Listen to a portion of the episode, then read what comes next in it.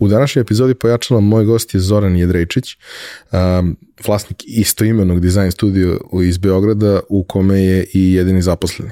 Uh, Zoranova karijera uh, traje već više od 20 godina i počela je od njegovog interesovanja za dizajn nameštaja, industrijski dizajn, dizajn upotrebnih predmeta, koje je kroz školovanje prvo u Zagrebu, a kasnije u Italiji i rad u nekim od veoma prestižnih studija sa klijentima koji su neki od najvećih brendova na svetu, doveo ga do toga da zaista dotakne neslučene visine i bude jedinstven u tom smislu u ovom regionu.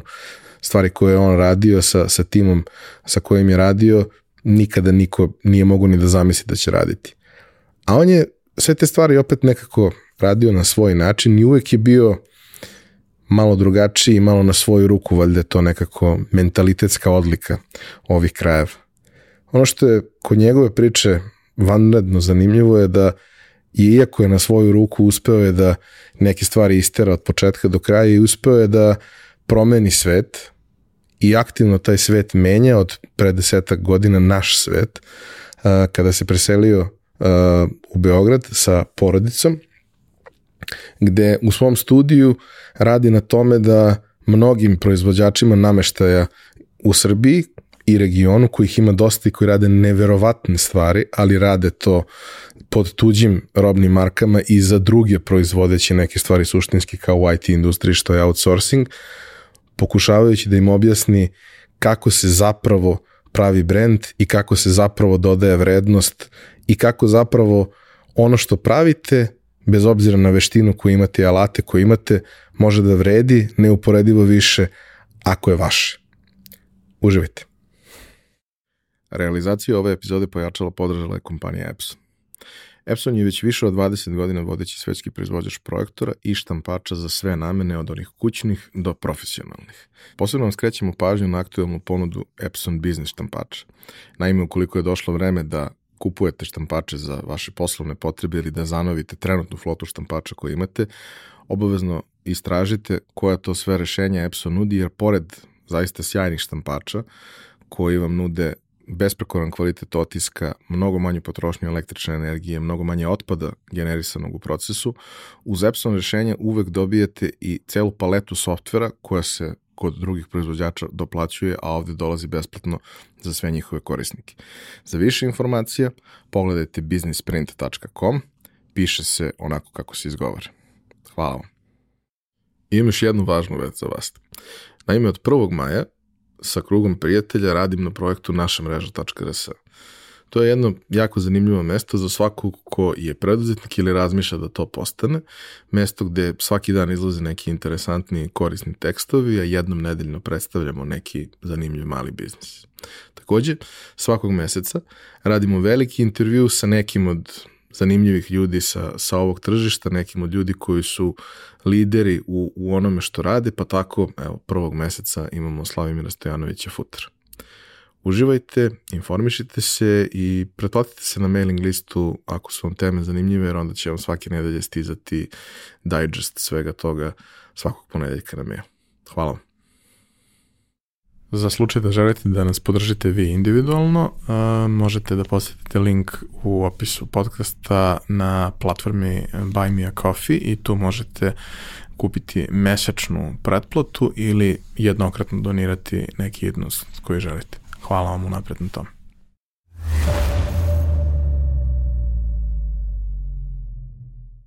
Nemam često priliku da ugostim nekog ko ima toliko bogatu, interesantnu karijeru, a za koga mogu i da kažem da se bavi nečim na što sam malo ljubomoran. Jer je to jedna od onih redkih stvari u životu koje sam hteo da radim, ali naravno nikad nisam ni umeo dovoljno, niti se posvetio tome na pravi način, niti sam imao prilike. Zorane, dobrodošao. Hvala i bolje vas našao.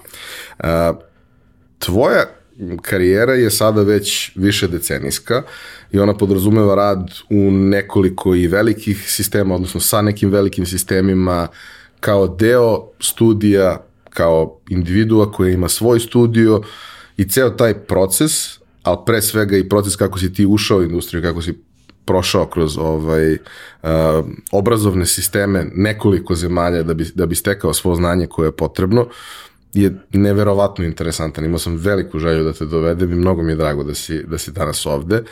Ali kao i sa svim svojim gostima, moje prvo pitanje je uvek naše mančmelo pitanje. Šta si teo da budeš kad porastiš?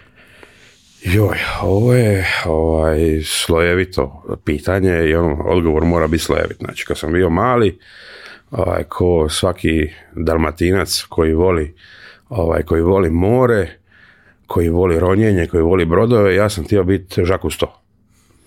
Ovaj, znači čovjek koji putuje, koji ovaj, roni, koji istražuje i to je meni bilo, mm, ne znam, neka vodilja.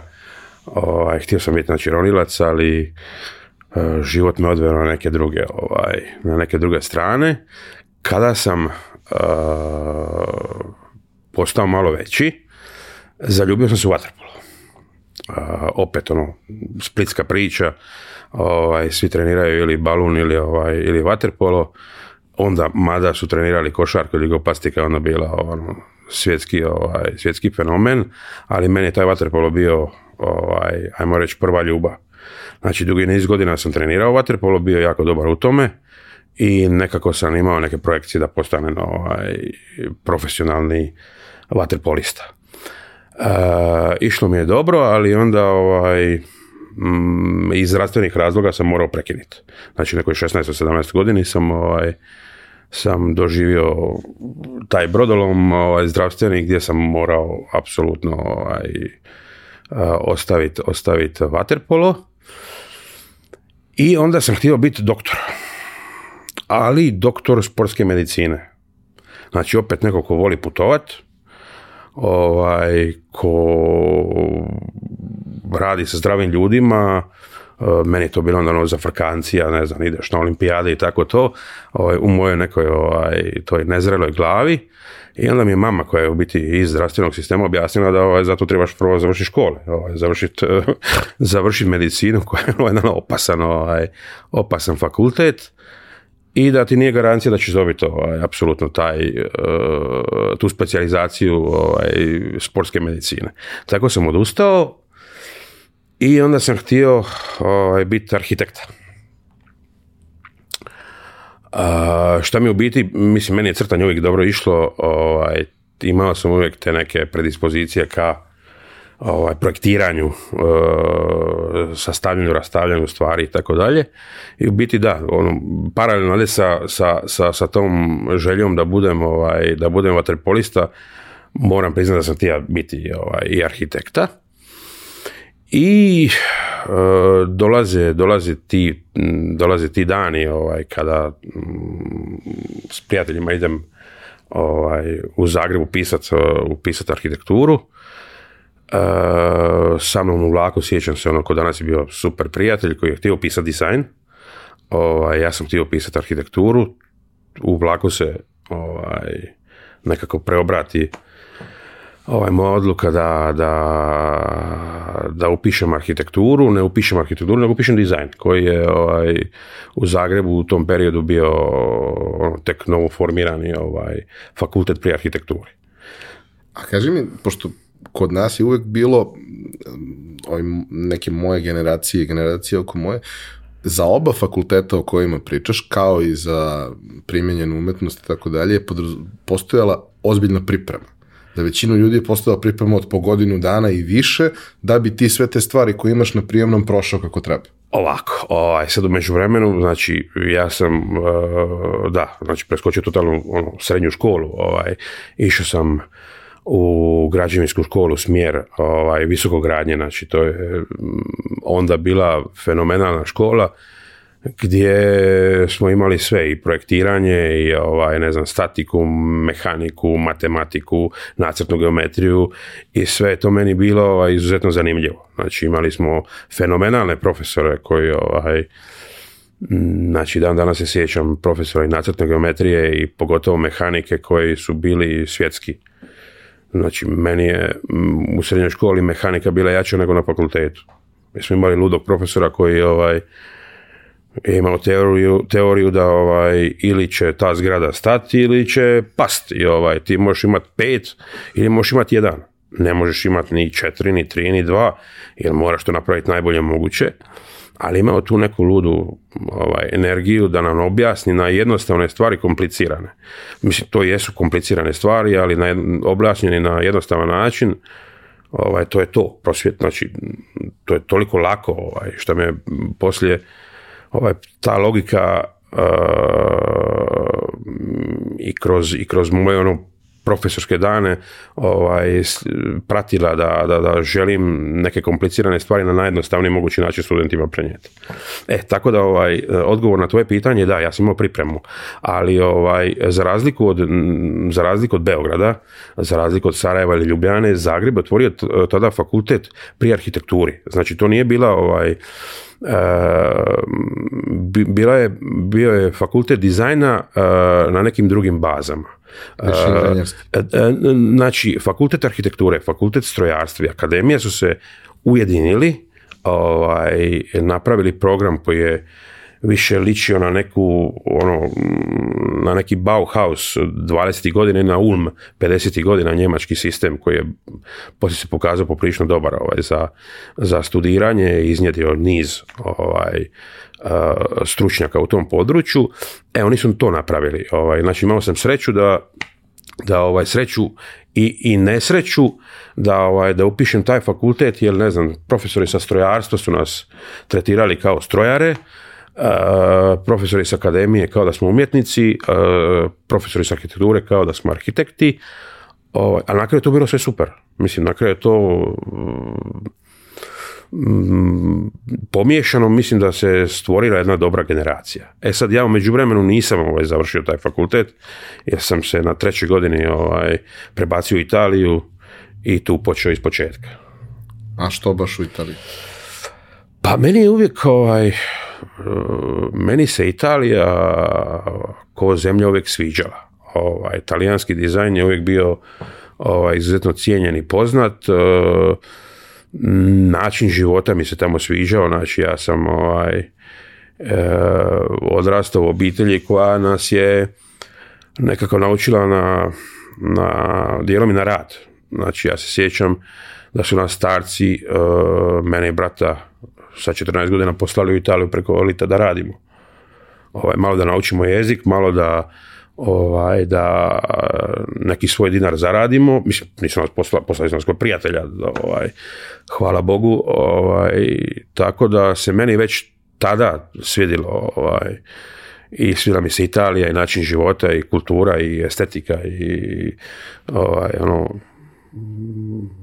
taj jezik koji ovaj, je nekako veseo, ono, misliš da, da, ljudi pjevaju ono, da, da se nikad ne svađaju, a u biti ni, apsolutno nije istina. Ali Ako ne možeš da vidiš šta rade sa rukama, e, ne znaš šta zapravo hoće da Apsolutno da, to mi je ostalo, znači ta mimika ovaj, njihova je genijalna, ovaj, koliko u biti tih nekih suptilnih poruka ti putem tako nekih ovaj, držanja tijela ili, ovaj, ili mimike možeš, možeš izraziti je, je neverovatno. E, taj je doneo taj prelazak tamo, znači suštinski to je početak od nule. Ok, postoji neko znanje koje je akumulirano, to je lepo, ali u novom sistemu se kreće od prve, pa, da sad i pojasnim zašto sam krenuo od nule. Ovaj, ja sam u biti položio ovaj, znači, tih šest semestara u Zagrebu, umeđu vremenu je došao taj ovaj, naš e, ajde, kako da kažem, sukob ovaj, ili da, da ne pričamo previše o tom periodu gdje ovaj, mm, je mm, mislim ja sam odlučio da, da, da, da to nije ovaj nije priča za mene i nekako uspio uvjeriti starce, ovaj, a i oni su to podržali da, da, da je bolje da nastavim, ovaj, da nastavim studije vanka. E, i u tom periodu tog previranja u biti talijanski ovaj e, talijansko ministarstvo ovaj, e, nije priznalo nije priznavalo jedan ispit iz, iz Hrvatske. tako da sam ja krenuo od nula. Znači, upisao se na dva fakulteta, jedan u Rimu, jedan u Firenci prošao na oba, ovaj, na, na, oba ispita, ne znam kako, jer nisam baš dobro poznavao talijanski, a tamo je ovaj, e, usmeni bio jako jak. E, i upisao se među 25 tih studenata na, na, na famoznoj IZI, ovaj, koji je tada bio jedini fakultet e, državni u Italiji za industrijski dizajn. I poslije se postavilo da je u biti bila fenomenalna odluka da, da nastavim školovanje, poslije život, koliko 23-4 godine u Italiji. A kako je bio organizovan taj sistem? talijanski. Da. pa ovako, ovaj, za razliku, na primjer, od, e, i od Zagreba, a pogotovo od, ovaj, od Beograda, gdje se e, preferira da, da Mm, ti moraš imat e, crtačka iskustva nevjerovatno da bi prošao da bi prošao akademiju e, znači da bi upao ili na slikarstvo ili da bi upao na ovaj na kiparstvo ili da bi upao na dizajn e, Talijani preferiraju više neke klasične studije znači u biti ja sam bio okružen više ljudima koji su završili klasičnu gimnaziju znači ličeo klasiko E, gdje oni na fakultetu pune ovaj e, pune ljude nekim drugim znanjima. Znači, mm, ja sam tamo naučio da mi je da e, crtanje mi nije fundamentalno. U smislu, ja trebam imati trodimenzionalni um. To se podrazumijeva. Ovaj, trebam znat fiksirat na papir moju ideju. I ta ideja ili skica treba znat, treba komunicirati Znači, ona, mm, da, proporcije su bitne, ali ja ne moram napraviti figuru čovjeka, ovaj, ja mogu taj proizvod skicirati eh, na jako jednostavan način, ali ta skica mora biti puna informacija da bi eh, komunicirala dalje i s nekim inženjerom ili sa cijelim nizom drugih ovaj eh, drugih, drugih struka i u biti ono što je, što je naj, najveća razlika to je taj neki multi ovaj, e, fakultet je podijeljen u jako puno tih nekih segmenata. Znači imali smo ovaj, e, da, bila je statika, bila je matematika, ali bila je, ne znam, jako puno humanih ovaj, znanosti, e, semiotika, bile su, ne znam, ovaj, studije formi, jako puno ekonomija, Eh, koju nismo imali u Zagrebu i cijeli niz drugih nekih ovaj eh, nekih eh, segmenata koji ovaj koji su potrebni po meni da bi, da bi se stvorio jedan stručnjak u, u domeni dizajna, to jest u domeni projektiranja. Ili ja više volim reći da sam projektant nego da sam dizajner. Nekako mi je tu fancy, previše mi je šminkerski ovaj, ima dizajn. Ima taj moment, e, baš znam dosta primjera ljudi koji su se opredelili da se bave ili dizajnem nameštaja ili ovih upotrebnih predmeta, lampi, bada i lampe su nameštaj, svega toga nečega, gde suštinski oni jesu dobili tu neku estetsku bazu tako što su završili primenjenu ili nešto pri tome, ali su većinom posle upisali šumarski da bi naučili da to naprave kako treba. Jer im je falio taj inženjerski skill set. Oni su dobili da, nacrta, da umeju da nacrtaju i da osmisle nešto što je prelepo, samo ne znaju da li to funkcioniš. A, pa, e, jedno je nacrta nešto prelepo, drugo je isprojektirati nešto prelepo. Ovaj, zato ja, ovaj, ovo je malo, malo, malo, malo, no, malo, čudna, ovaj, malo čudna profesija, a, e, arhitektura je tu puno, ovaj, ima puno više nekih e, pravila i regula koje u biti se poštuju. Znači, ovaj, a dizajn je sličan je, arhitekturi jer u biti vi projektirate. Znači vi nešto trebate isprojektirati. E sad ovdje je razlika što se ono, nije mi drago kad mi arhitektu kažu, kad arhitekti kažu da je, ovaj, da je dizajn u biti e, arhitektura u manjoj skali. Ovaj, jel, nekako povijesno svaki arhitekta veliki je uvijek htio napraviti jednu stolicu i ovi bešteke, kako se kaže, sajge ovaj, i ovako neke stvari. To je ono uvijek bila fiksna ideja. Ovaj, mislim da je, da je dizajn sam po sebi malo ovaj, eh, eh, širi u smislu da obuhvata obuhvata proizvode koji ulaze opet u život, e, svakodnevni život e, na kraju svakog pojedinca, što da, može se reći i za arhitekte, ovaj, i za arhitekturu, jel, ovaj, ali ovo je detaljnije, ovaj, ovo se treba proizvesti, treba proizvesti na jako puno različitih tehnika. Tako da ovaj, ja volim reći svojim studentima da, ovaj, da je e, student dizajna je kao student jezika. Znači, vi trebate vi trebate poznavati puno, puno različitih jezika, prije svega trebate slušati, trebate naučiti, trebate e, skužiti šta vam stručnjak iz marketinga, šta vam stručnjak iz, ovaj, iz domena proizvodnje, šta vam e, bilo koji stručnjak govori. Znači punit se znanjem, punit se e, i stvarat neku neku ovaj,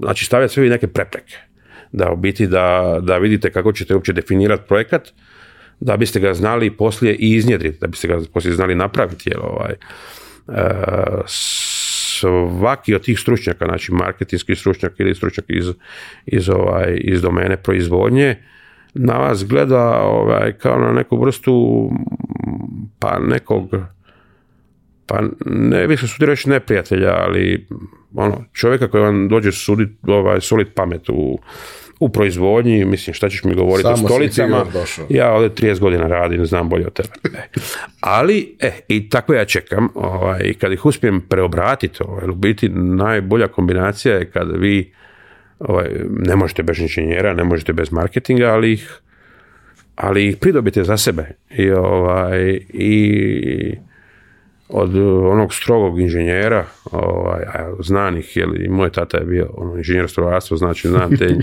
te, umove ovaj, koji su predivni, ali e, striktni, kad, ih, kad im uspijete usadi klicu, ajmo probat, umjesto ne može, nego ajmo probat, e onda to, to donosi rezultat. Ajde da vidiš, mislimo kako. Znači, nije da ne može, ajmo provati ajmo probat. E, to je... Ovaj, Neću ja da znači, ti namećem, reci ti meni probati, kako možeš. Ajmo probati i to je ovaj, uvijek ključ. Tako da meni ono, ovaj, ako ćemo definirati o tom neko moje zvanje, e, da, moglo bi se reći, ono, ajmo probati. A kaži mi, kako je izgledalo e, studiranje i život u Italiji tada za tebe? ovaj, pa, e, izgledalo je u početku, sad, u početku je izgledalo jako teško. Mislim, izgledalo jako teško jer ovaj, taj period taj period mog, ovaj, školovanja u Zagrebu je bio idila, mislim, koji 99% mislim, studenata ovaj, u tom periodu ovaj, pomagali su roditelji, znači jedan studentski normalan život e, gdje u biti nastojiš da ok, nešto malo i zaraditi pri pomoć u tome, ali ovaj roditelji su ti koji, koji iznjedre školovanje ovaj, svoje djece. Dok se ovaj, mojim odlaskom u Italiji to se promijenilo jer u tom trenutku ono bijesni rat, ovaj, blokada Splita, ovaj, i šta se sve dešava, nećemo sad. Ovaj, ja sam sa jako malo novaca krenuo u Italiju. I, ovaj, imao sam koliko za, a možda za 5-6 dana život. Ja se sjećam u tom periodu u novinama, e, ono, kurs svaki dan izlazi kurs svih različitih valuta i sad naravno svi smo pratili koliko je nemačka marka jer je to bila da, najvažnija stvar.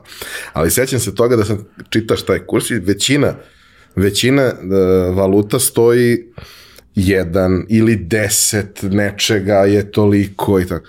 I onda dođeš do lira i kao deset hiljada lira je nešto. Da, da, da. Kao zašto zašto je 10.000, zašto, kao, zašto nije 10 lira, kao, zašto, su, zašto nisu skratili one 3 nule. Oj. I sećam se kad sam dobio, to sam skupljao novčanice, to mi uvijek bilo bitno, kao, to su bile velike novčanice, ti ali ovo nema nikakvu da, veliku vrednost, ali samo izgleda... izgleda ne, ne, ne, ovaj, da, ja se sjećam, znači imao sam koliko 300.000 lira u džepu, ono, daj Bože da su to, bili, da bile marke u tom periodu, ali 300.000 lira je bilo 300 maraka.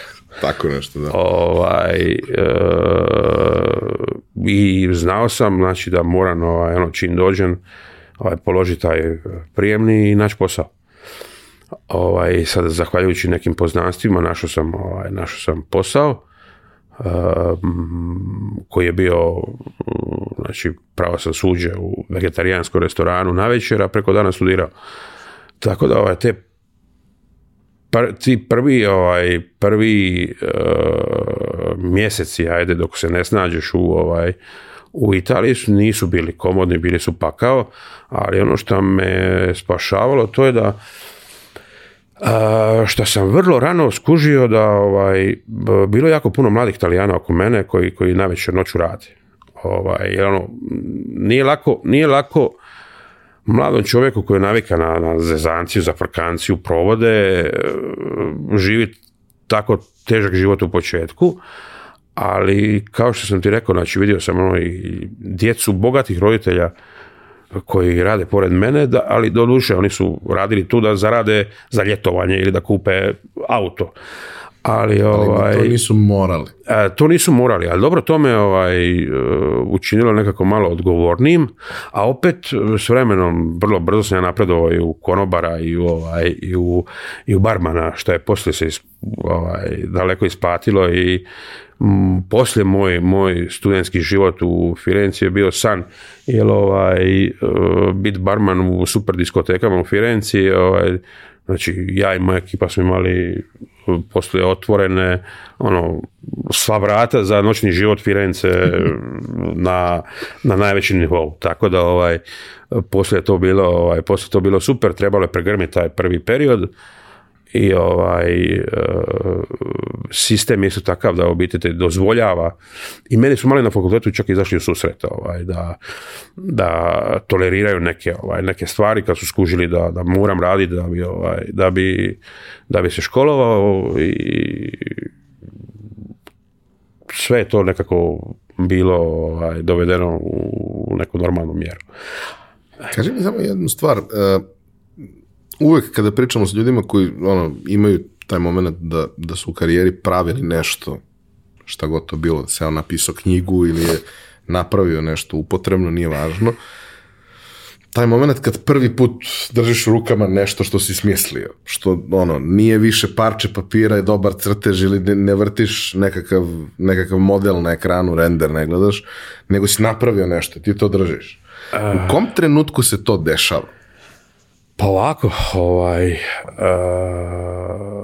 prvi, uh, prvi takav doživljaj sam doživio ovaj, dok sam studirao u Zagrebu, znači bio je ovaj, ispit projektiranja, e, gdje se napravio jednu ribolov, stolicu za ribolov. Ovaj, moram priznati, tata mi je tu, ovaj, tata mi je tu puno pomogao u, prvom ovaj, modeliranju, ali ajde, nešto što me, što me formiralo, ovaj, što mi je promijenilo i tok misli i karijeru, na kraju su ti dani u Italiji. Znači, sjećam se, mm, nama su profesori koji su bili svjetske face u dizajnu. Znači, imao sam sreću da, da, da, da, da, ovaj, da su mi profesori bogovi dizajna.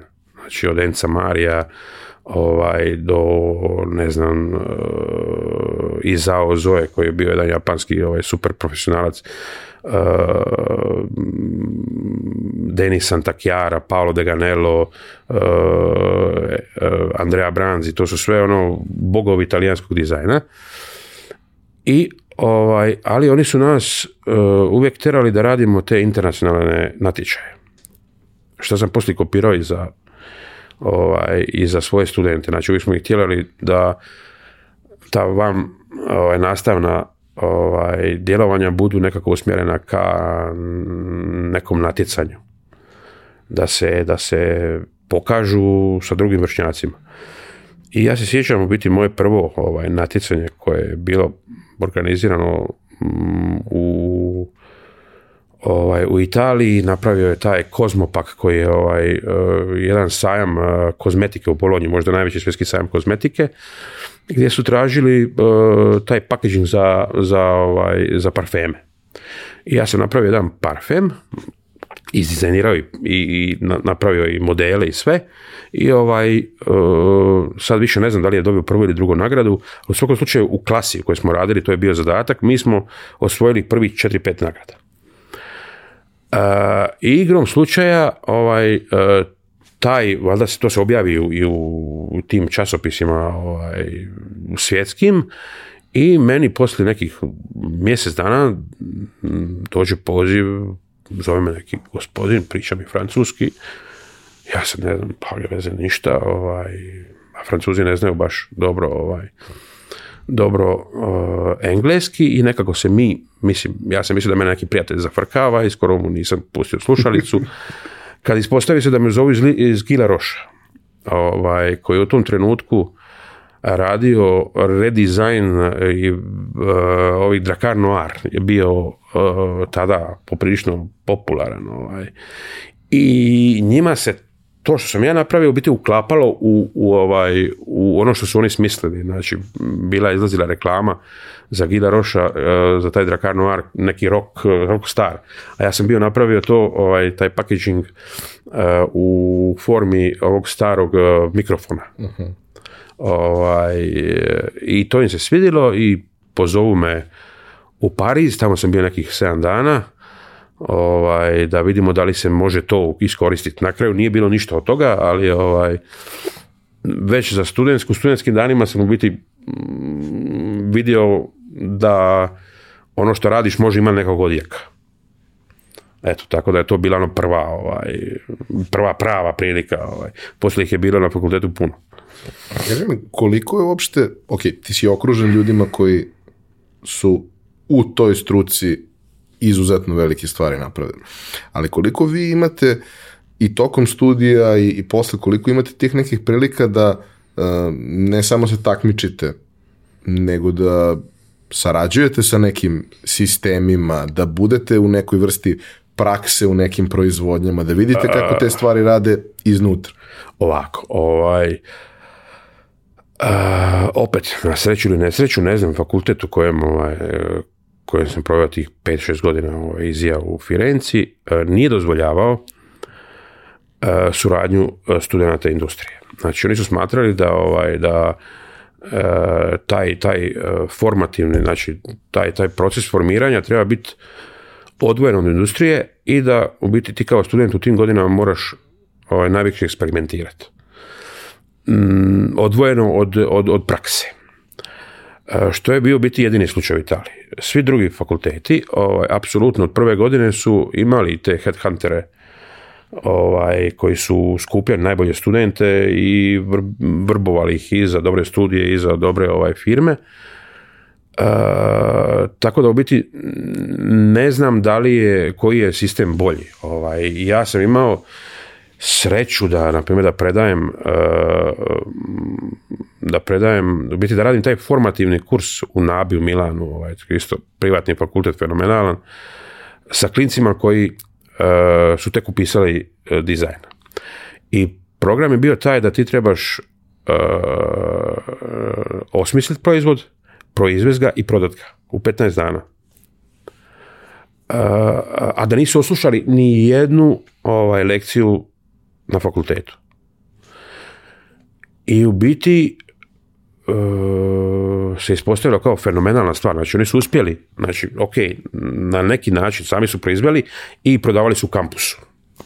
Ali ovaj, e, da, već, već e, već tada su u biti napravili taj proces, znači proiz, osmisliti, proizvesti i prodati šta sad ne znam, znači ne znam što je bolje za, i, i okusio sam jedno i drugo u, u, u svom, u svom ajde, akademskom sazrijevanju nisam ovaj, imao takvih, e, takvih e, e, kako se zove, susreta s industrijom, osim ako ih ja nisam sam, sam inicirao. A jako puno sam ih sam inicirao. Jer poslije kad sam završio karijeru ovaj, barmana, ovaj, dok sam studirao, onda sam počeo raditi za, ovaj, za neke studije pa ovaj smo, kad sam mogao išao bi projektirati neke stvari za Ferrari i za Lamborghini, znači zvali su me profesori da im pomognem. ili ne znam, u jednom trenutku su me zainteresirali, ovaj, zainteresirali igračke. I ovaj, tu sam napravio jedan super isto ovaj, rad, E, koji sam predstavio jednoj firmi isto na sajmu u Bolonji, sajmu knjiga.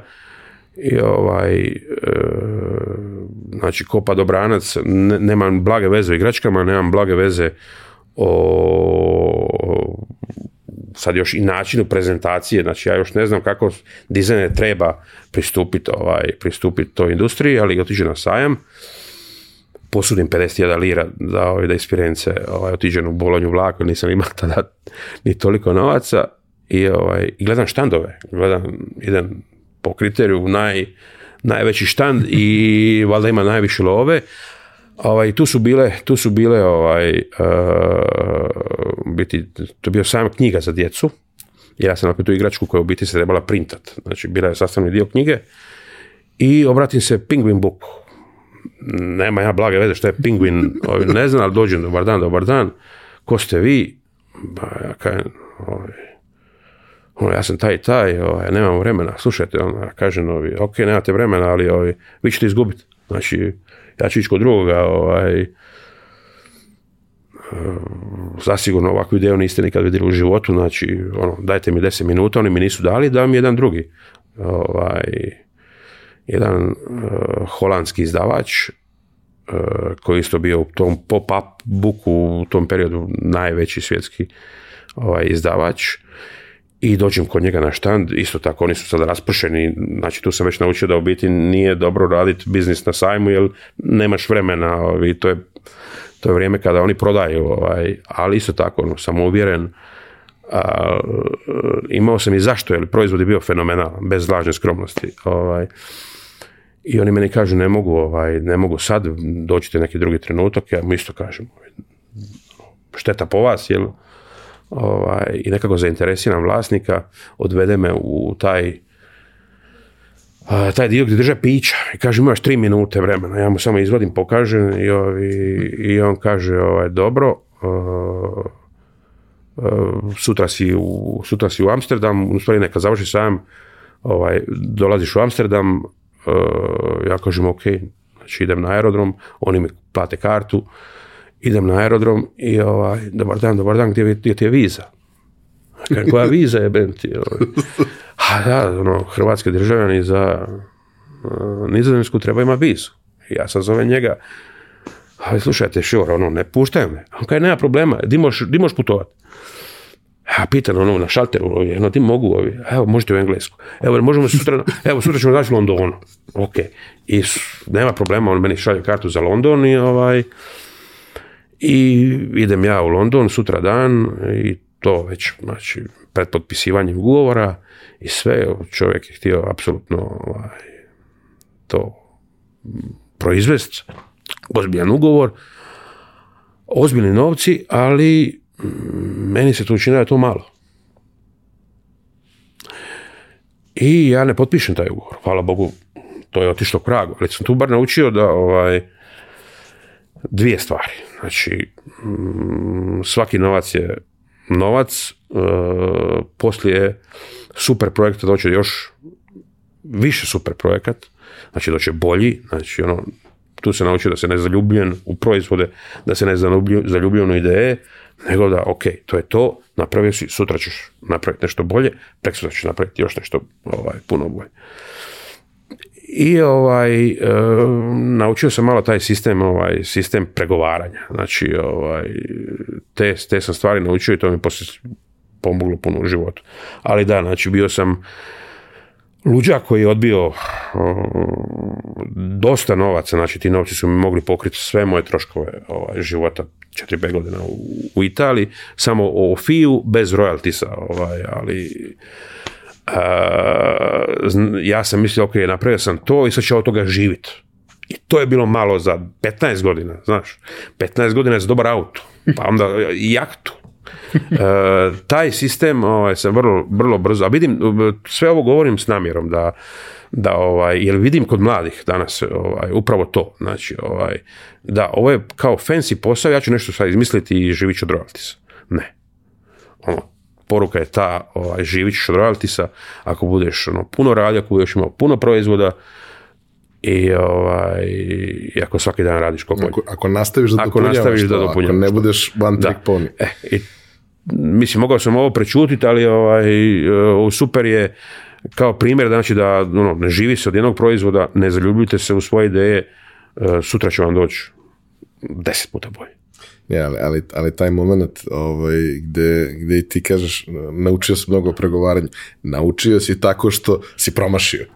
da nisi ne bi ništa ma, naučio. Bogu, pa Mislio bi da sve funkcioniše tako kako god kažeš, sve može. mislim, tako apsolutno ne. Mislim, ovaj, naučio sam ja da ono, da ti se od deset puta jedna vrata otvara, ovaj, devet će ti se zatvoriti, ali to nema veze. Znači, to nema veze, ovaj, ta istrajnost, ta, ovaj, način na koji ti trebaš biti siguran da ćeš uspjeti, ali da je to jedan mukotrpan, mukotrpan rudarski rad. A kaži mi, u tim iskustvima koja si imao tokom studija, da budeš uh, deo nekog studija koji radi na nekom proizvodu, da budeš tu mali šraf koji treba nešto da pomogne ili neko ko treba da osmisli neki manji deo.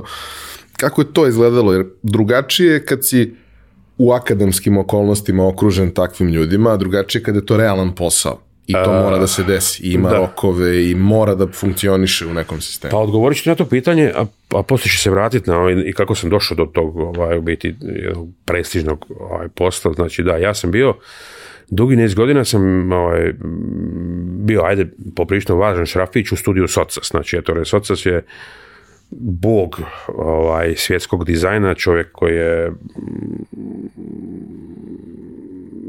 ime u svijetu dizajna, ne znam, ne postoji, ne postoji već. Ovaj, eh, I zahvaljujući toj poziciji radio sam sa velikim svjetskim firmama. Znači, razvijali smo poslove koji su se vrtili u desecima milijardi eura godišnje, ovaj, znači velike odgovorne stvari. Ovaj, a, kako je sve, mislim, počelo je, eh, počelo je tako da su oni mene ubacili u vatru. Ovaj, tu nije bilo sad, e, e, sjećam se, došao je jedan veliki klijent, najveći klijent studija, nije bio taj šef odsjeka, bio na nekom drugom putu i sad ovaj, zovu mene da predstavim projekt. Mislim, firmi od koliko 40, 30, 40 milijardi eura turnovera godišnje ovaj, e, i baci me u vatru i, ajde, znači, ono, ili znaš ili ne znaš. I, I, to je bio studij dodat gdje su te bacali u vatru, znači nije bilo priprema, nije bilo, nije bilo ničega. Bilo je ono, počni ili ćeš ovaj, ili ćeš e, plivat ili ćeš uh, Na su sreću sam ispliva. Ovaj, ali e, da, bit dio, dio tima je, jer u biti dizajn je timski rad. Znači, apsolutno ovaj, to mm, e, timski slojevit rad e, gdje trebaš ono, imati jako puno ovaj, e, istrpljenja i sluha za, za cijeli niz problematika. I to sam naučio ovaj, u studiju, ovaj, s tim da Znači, mi smo, eto, imao specifačan jezik, mi smo morali u biti nekako savladati, prežvakati i da njegov jezik, taj estetski, u nama predominira. I, i putem tih kodova projektirati ovaj stvari. E, šta meni je bilo i drago, jer ovaj njegov jezik je mm, pun, ne znam, nekih živosti boja, ovaj, jako radikalan, jako ovaj, e, e, slojevit i pun nekog kulturološkog naboja. Ovaj, tako da sam tu, tu dosta naučio. A sreća moja je bila da ovaj, on čovjek koji je bio godinama, znači Ettore je čovjek koji je radio, koji je stvorio, ne znam, dizajn jezik Olivetija. Ovaj, to je nekadašnji Apple bio i koji je u 60. svojim 60. godinama odlučio, dok drugi ide u penziju, da otvori svoj studio. I okruži se mladim studentima i napravi tih 80. godina taj e, Memphis i Alhimiju koji su dva pravca u dizajnu koja su promijenila totalno ovaj, e, radikalizirala taj dizajn i mm, odvela ga na, ono, na, na entu ovaj, na, svjetskoj ljestvici. E, I on je znači čovjek koji je znao apsolutno ovaj, e, sve tehničke stvari, ali nije to potencirao, znači potencirao je više neki kulturološki ovaj, dio dizajna e, i neke te ovaj, e, teorije, teorije proporcija boja, ja se sjećam prvi dan kad sam došao u taj studio, ja ne razumijem zašto, znači eto reskicira i sad ovaj, ljudi koji razrađuju projekte idu i, i, i metrom ili centimetrom mjere šta mjere njegove skice, znači da razumije šta je. Dok nisam skužio da on u stanju da skicira u, znači ako on govori o milimetru, njegova skica je milimetar. Ako govori o 3 mm, njegova skica je 3 mm. Znači on točno vlada proporcijama uh, svega. Mm, I ljudi su išli mjerili njegovu skicu, to je to. Znači, to je već gotov, ovaj, gotov projekat. A, tako da, ovaj, da, te, te proporcije i boje sam uzeo od njega, nisam uzeo njegovu filozofiju koja, mislim, za mene možda preradikalna je, ovaj, ali sam te neke proporcije ovaj, probavio u sebi i pretvorio ih u svoje. Ima nešto u tome kad ljudi stvarno znaju šta radi. Nema mnogo ljudi koji stvarno znaju šta radi, ali oni koji imaju. Ti dođeš i vidiš nešto i ne znam, vidiš kombinaciju neke dve boje ili neke dve teksture, vidiš kombinaciju negdje i kažeš ovo nema nikakvog smisla. I izgleda savršeno. Savršen. Znači, a to je ta magija upravo koju on to radio, znači, Upravo je on to radio, znači on je bio svjetski provokator i ovaj, on je bio provokator i, ovaj, i spajao je nemoguće Ovaj, ali to nemoguće je bilo toliko savršeno da je to za nevjerovat. Jer kao to da ti složiš dve boje koje vrlo logično idu zajedno i mislim potpuno je jasno i kad ih vidiš na, na, na dva papira da su to nije nikakva mudrost, to, može algoritam da radi. E, ovaj, sad, mislim, o tome, znači, imamo i tu ono poprično iskustva, jer ovaj, e, sjećam se, Siemens nas je bio uzeo da, da i napravimo paletu boja. Znači, e, i ovaj, jako puno drugih i Dupon ovaj, za neke materijale i u biti vi vidite koliko je teško ovaj, samo sastaviti boje. Znači, reći jednom Simensu koje boje treba upotrebljavati za svoje proizvode. Ili reći jednom Duponu kada radi materijale, u koje boji će ti biti, biti ti materijali. Tako da je to poprično komplicirano. Ovaj, e, kompliciran i dugotrajan proces e, spajanja boja i ovaj, e, šta je, šta je u biti u, i u bojama i u dizajnu, šta, šta ljudi zaboravljaju, ovaj, a to je, ok, mi projektiramo, ajmo reći, u tri dimenzije, ali svi zaboravljaju četvrtu dimenziju, a to je vrijeme, u smislu e, da mm, moramo isprojektirati i predviditi budućnost. E, jer ono što sad projektiramo, to će izaći za 2, 3, 4 godine. E sad, kužit šta će biti za četiri godine. I koristit će se neki niz I koristit će se niz godina. Ja pretpostavljam ono da i nadam se da, i da, radim stvari koje traju ovaj, koje traju jako dugo. Znači, meni je uvijek bilo mm, najdraža, u stvari najdraži kompliment mi je bio kad mi neko kaže u šta je ovo, ovo sam mogu ja napraviti. Znači, to mi je, kad mi je, kad mi neko kaže, pa šta ti je ovo ono, ovo sam mogu ja napraviti. E, ali nisi. Ovaj, jer to su te očite, znači te očite stvari, ali da ti prvi dođeš do tih očitih stvari, to ima... Da ih složiš. ali da biti... Mm, e, ne nadodaješ, nego oduzimaš, oduzimaš, oduzimaš i dođeš do, do neke suštine je, je jako teško. To je ovaj, e, to mi je prvi kompliment, a drugi kompliment kad vidim da ljudi vole, ovaj, kad ljudi Eh, se zaljube u taj proizvod. Znači, ta, ta, ta komponenta ljubavi, ta komponenta u biti brige za proizvodom, znači, to mi je nekako najdraž da ti vidiš da, se, da si nekome upalio neku iskru i da on se brine o toj stvari i da ga čuva i, na taj način u biti nekako ja doživljavam i, i, i ekologiju. Znači, za mene nije ekologija mm, reciklirani materijal, to jest, ne znam, plastična šašta koja će biti ovaj, napravljena od reciklirane plastike. Mislim, nije, ovaj, nije, nije, nije, nije to rješenje. Po meni rješenje je napraviti proizvod kojeg ćeš ti volit, koji će s tobom ostarit i koji jednostavno je ono tebi pričinjava neko zadovoljstvo i izmamiti osmih. E kad ti izmami osmijeh, onda te pridobija, onda ti nećeš imati potrebu za ne znam, za sto nečega, nego ćeš imati potrebu za jednim. Ovo govorim, ne znam, ja sam strastveni pušač, ali ono, jedan dobar upaljač mi je draži od sto bikova. Ima taj moment, mislim, konkretno to si i pomenuo, da svako ko se bavi tim poslom ima potrebe da napravi jednu stolicu pa šta da. god da će drugo raditi, mora napraviti jednu da, Da, da, pa.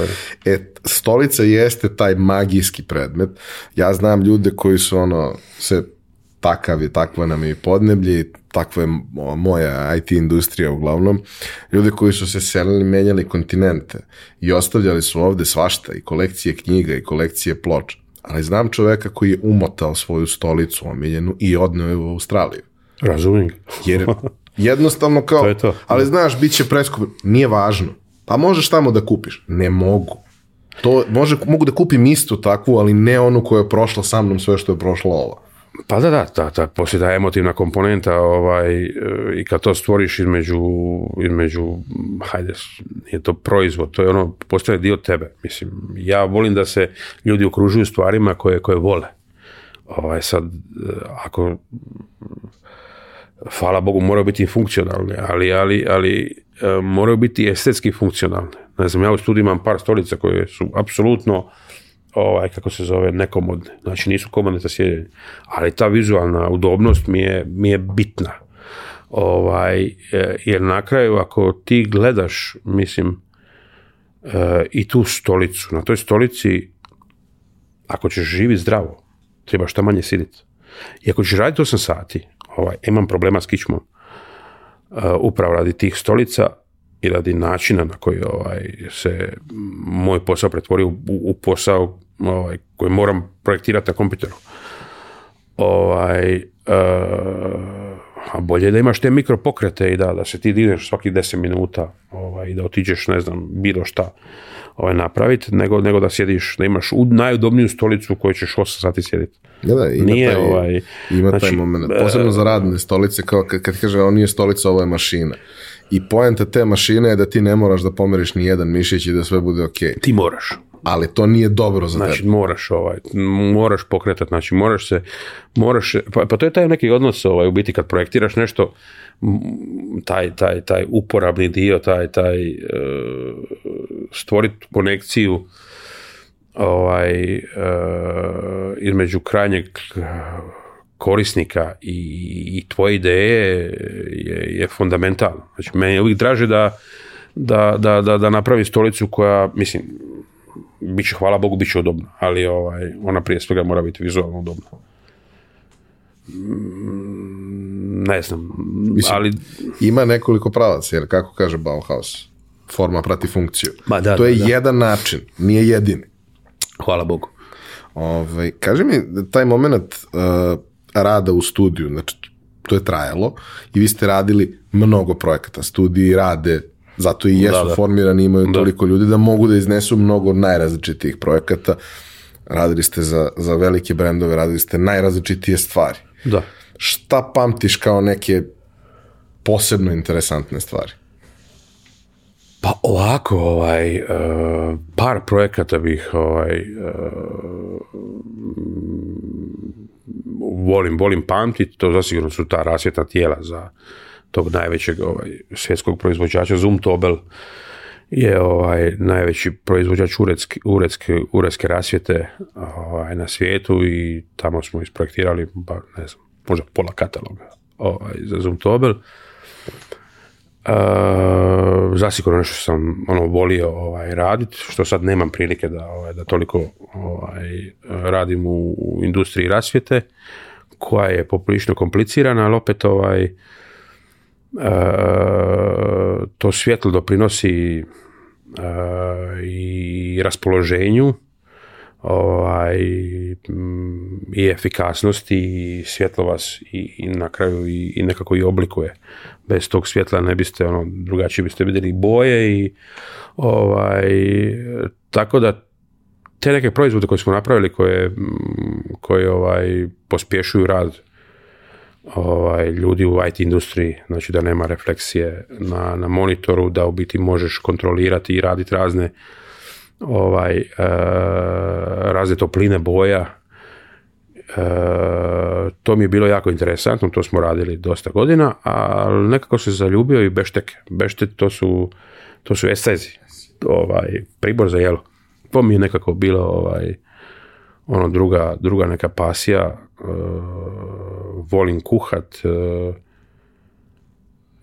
e, tako da mi je nekako tu te, ti projekti za, ovaj, za, za par velikih proizvođača su mi ostali u naj, ovaj, najljepšem sjećanju. A kako izgleda proces rada? kako izgleda proces rada? Ovaj, da, sad vi ne znate kako, vi ne znate taj, e, vi ne znate taj početak. To je u biti problem ljudi ovaj, u, u, u studijima. Gdje nastaje E, posao. Znači, posao nastaje na, ne znam, u nekoj galeriji, posao nastaje na gol terenu, posao nastaje u nekom finom restoranu i tako dalje. Ovaj, e, kad si dogovorio taj posao, onda ovaj, klient klijent napravi neki brief koji je u našem slučaju bio ovaj, dokument, znači moramo napisati sve suprotno od toga što su nam napisali. E, I e, vi radite, ne znam, radite par tih, ovaj, par tih prijedloga, pokažete to e, klijentu i klijent znači, odluči u kojem će smjeru, mislim, na kraju, na kraju kod etora nije bilo klijent odluči, ovaj, ne odluči klijent, nego ako vi želite raditi s etorom, to je, ovaj, to je privilegija i čast, znači da je uopće, da je rekao da, znači radit ću s vama. I ovaj, mi smo uvijek imali tu neku ono, sigurnu kartu na kojoj smo igrali, ovaj, kad ne bi, ne znam, prošao prijedlog, ovaj, a mi kažemo, ne znam, industrijalcu koji se to sviđa. I šta će on sad? Ovi, to je to. Znači, nemamo mi tu o čemu pričati. Znači, to se radi tako. Ovaj, e, tako da, da, za moj profesionalni razvoj ova škola je bila dobra, ali opet nije bila dobra, jer to nisu primjeri ovaj, e, koji se mogu u praksi, koji ti možeš u praksi provesti a ne možeš baš uvek da se Ne možeš, znači apsolutno u biti da, mi smo bili totalno ovaj, privilegirani u tom smislu, ali smo proizvodili ovaj, kvalitetna rješenja, jer nije sad ovaj, da Eh, znači, vodila se računa apsolutno svemu i mm, to su proizvodi koji dan danas se prodaju. Zumtobel je, Zumtobel je to okosnica proizvodnje, znači to su bili jako, ovaj, sad ja ovo malo karikiran, ono, mm, ovaj, se sviđa. Ne, mislim, to su bili fenomenalno projektirani proizvodi koji su ovaj, eh, uzimali obzir sve njihove parametre. Mislim, zato i postoji stručnjaci u studiju koji u biti te njegove ideje dovedu do savršenstva. A znaš što me zanima? Zanima me jako taj moment da, ok, ti kad, ulaziš u, proces, ti u suštini najčešće ono, i na fakultetu i sve, tvoje zadatak je da napraviš to jedno nešto.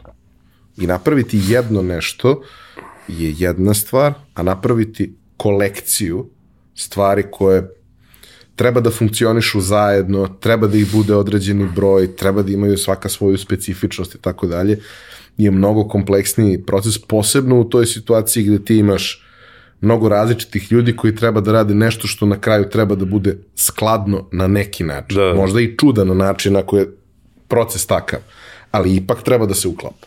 A to se, to se uči, ovaj, mislim, to se uči na fakultetu, to, to se uči e, vremenom, to je neko iskustvo koje ovaj, e, e, gdje ti u biti vidiš, jer mm, samo mislim, ako ti želiš isprojektirati kolekciju, E, to trebaš imati na umu od samog početka projektiranja. Znači, ne možeš nešto napraviti, mislim ne možeš, možeš, ali puno teže napraviti nešto, pa sad onda implementira to. Pa dodati još. Tako da, e, ovaj, tako da u biti ja uvijek ono nastojim na početku nekog posla, skuži da li će to biti kolekcija i onda nađeš karakteristike, to projektiraš karakteristike, mm, ne cijeli sistem, koji se u biti može i mora ovaj, e, implicirati na, na, na, na sve. E, to je najbolje raditi u, u samom početku. Mislim, e, a to ti dođe iskustvom. Znači, ti moraš puno utakmica u nogama imat da bi se prvo usudio ovaj, isprojektirati bilo šta što će biti proizvedeno u seriji. E, to je jedna jako komplicirana stvar. jako odgovorna stvar. Jer, na primjer, Eh, koliko god si ti, hajmo reći, tu kreativan ili si neko ko koga smatra, ajmo reći, dijelom umjetnikom, ja sebe ne smatram ni umjetnikom ni kreativcem. U smislu, ja moram biti kreativ on demand. To nije... Ovaj, I u ovaj, okvirima. Eh, da, da, da, da to, to se podrazumijeva. Ovaj, zato treba biti eh, upravo to. A, znači, imaš deset dana da budeš kreativan i da iznjediš nešto to nije... to se uči, to, to, to, to moraš, to, to, je, to su godine i godine napornog rada da ti u biti stvoriš sistem od čega ćeš krenit, koje informacije prikupljaš, na koji način ih ovaj, emuliraš u svojoj glavi i kako se to pretvara u proizvod. E, ti možeš reći za sebe da si projektant ili da si dizajner od neke 40. godine. Ko što možeš reći, za arhitektu da, da si arhitekta, ne možeš da si arhitekta s 30 godina. Mislim, ovaj, e, da, u Italiji postoji Giovane arhitekto i Giovane dizajner. To ti je do 50 godina. Sad, ima i svjetlih primjera gdje to nije tako. Ali, ovaj, da, da ti sam, znači, možeš iznjedriti cijelu situaciju, napraviti nešto što će biti proizvedeno, gdje nećeš napraviti štetu, gdje ćeš, ćeš sistem dovesti u, u, ovaj, u perfekciju trebati jako, jako puno, jako puno iskustva. Nažalost, problem je kako skupiti to iskustvo. Jer jako je teško skupiti kao mlad iskustvo. Znači, osim ako ne ideš i ne radiš za nekoga, ovaj, a opet i to je teško. Znači, mm, takve studije je jako teško. I ne učite svemu. Znači, u studiju te ne uči svemu. A ovaj, ti, ako želiš nekad vodi posao, znači, trebaš ga dobiti, trebaš ga napraviti, trebaš ga naplatiti i trebaš nastaviti. Znači, ta neke četiri koraka tebe eventualno u studiju uče kako ti to, ovaj, kako ti to napraviš. Šta je, da, hvale vrijedno, ali u sistemu ovaj, u kojem ja sad djelujem je jedan kotačić. Znači, projektiranje je sastavni dio svega, ali treba doći, ono, biti kompletan u svemu, je poprilično teško. Ovaj, to je... Eh, nije za svakoga. Trebaš imati taj neki poduzetnički duh. Ovaj, tako da ono, malo jesam i poduzetnik u, u cijelom sistemu. Imam još jednu stvar koja, koja me zanima, koja je isto onako kad čovek razmišlja o tome i planira, redko ko to ima na pameti kada kreće to da radi. A to je prvo taj moment da treba da osmisliš nešto što će biti napravljeno na jako velikoj skali, što će imati milione primjeraka i što će biti jeftino. Znači moraš da ga u procesu osmišljavanja moraš da uzmeš u obzir da to jednostavno ne može da košta neku ogromnu cenu, možda i proizvod, možda će ovaj, i prodajno da bude, ali proizvodno mora da bude u nekim okvirima. E pa sad ovako, znači to zavisi, zavisi od e, nešto može biti proizvedeno u milijone primjeraka, nešto ne mora biti ovaj, proizvedeno u milijone primjeraka. Sad ne znam, ako projektiraš ova četkicu za zube, naravno da, ovaj, da će to biti e, napravljeno ovaj, u nekoj, nekoj, nekoj velikoj seriji. Ovaj, kao što radiš stolicu od plastike, ako je to mono, mono, ovaj, kako se zove, iz jednog dijela.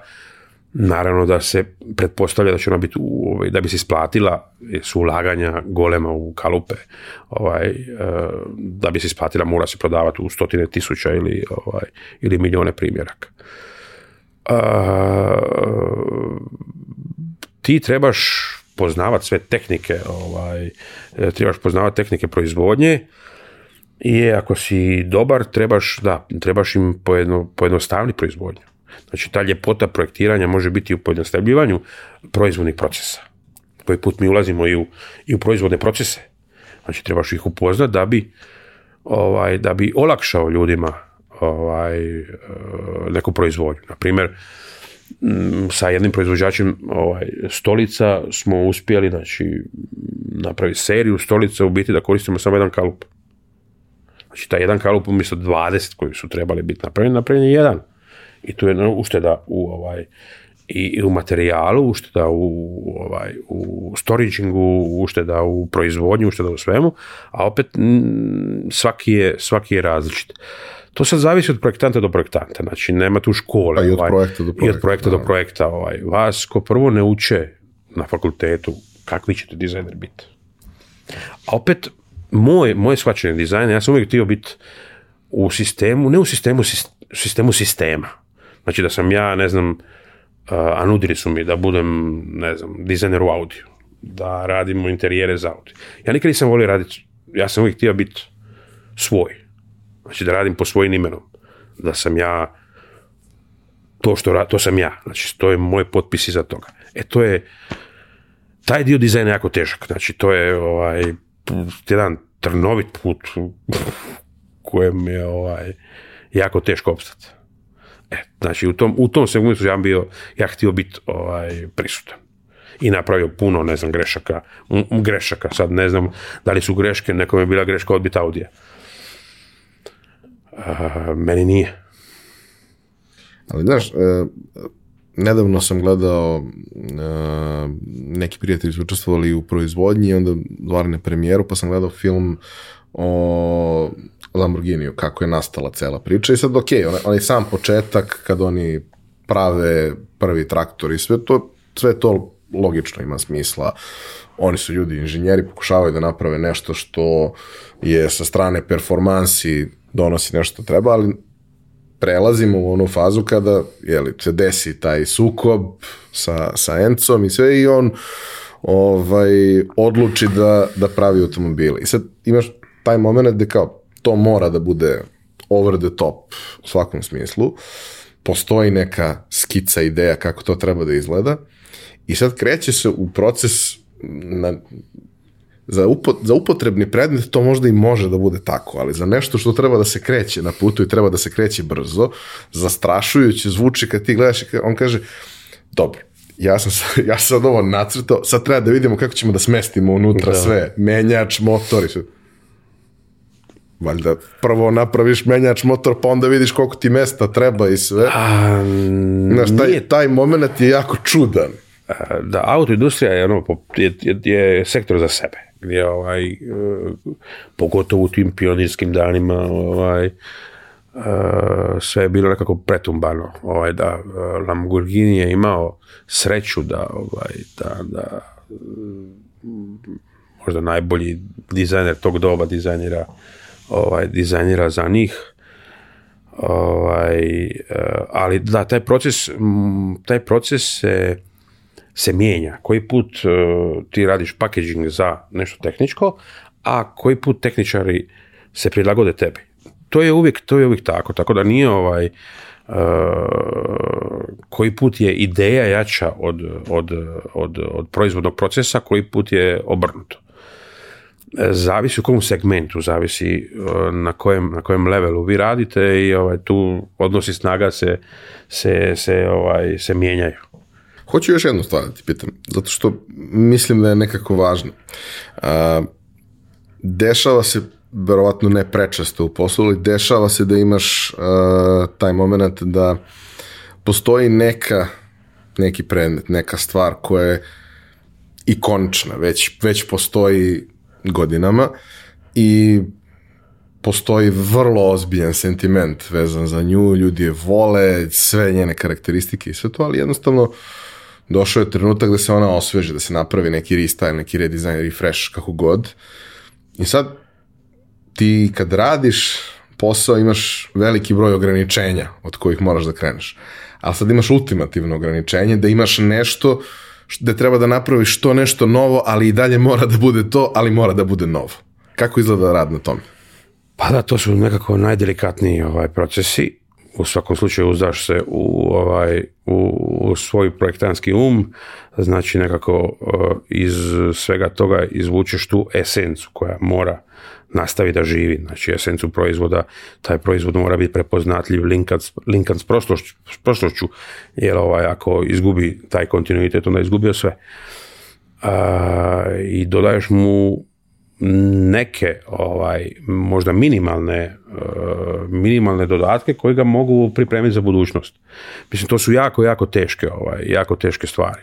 Imate primjera ne znam ovaj u dizajniranju Apple-ovih ovaj proizvoda koji uh, rade na sistemu evolucije, uh, ne na sistemu revolucije. Isto tako ne znam svaki Mercedes je evolucija nije, ne znam, kao Alfa Romeo, revolucija. Porsche 911.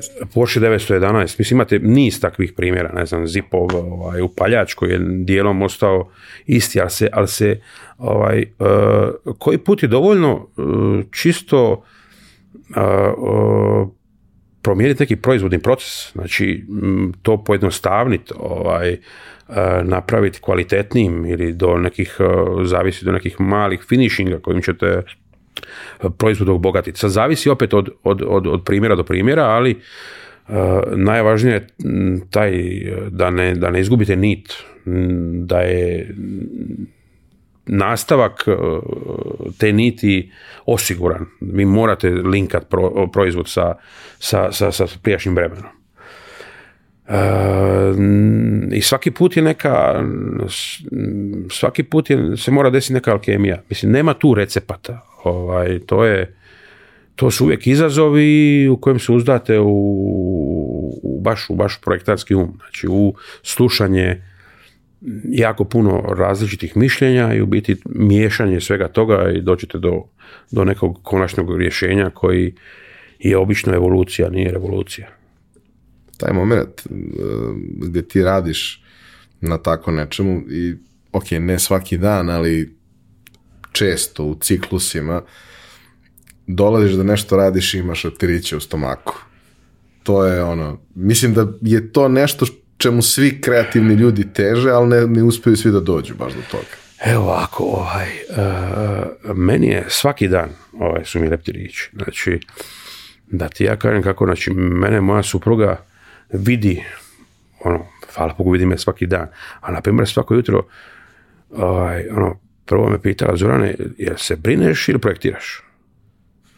Znači, ovaj, ka neki autistički tip koji ovaj, je u nekom malo, u nekom svom svijetu, malo se, ovaj, a najviše projektiraš ujutro, ovaj, dok ne dobiješ djecu, a posljedno projektiraš u autu i u avionu i ovaj, i tako negdje, ali, ali da, kao da, kao, ja imam svakodnevne transeve. Znači,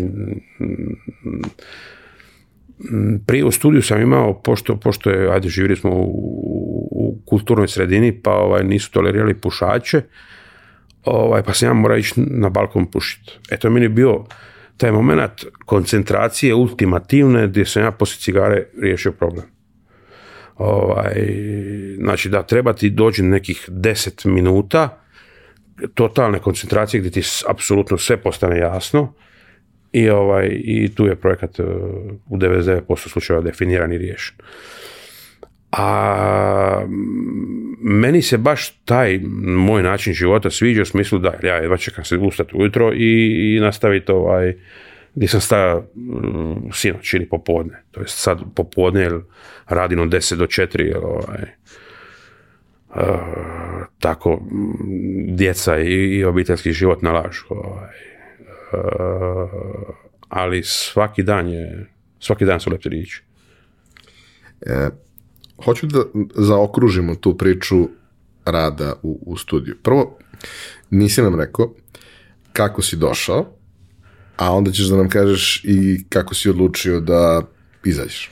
Pa ovako, ovaj, da, to je jedna ono, karambola, absurdna ovaj, priča za, za film kako sam ja ovaj, upao u studio Socas gdje je nemoguće ući. Znači, ovaj, studio Socas je bio poznat da su svi htjeli ući u njega, ovaj, je bila jedna super atmosfera gdje si mogao naučiti. E, prošli su, prošli su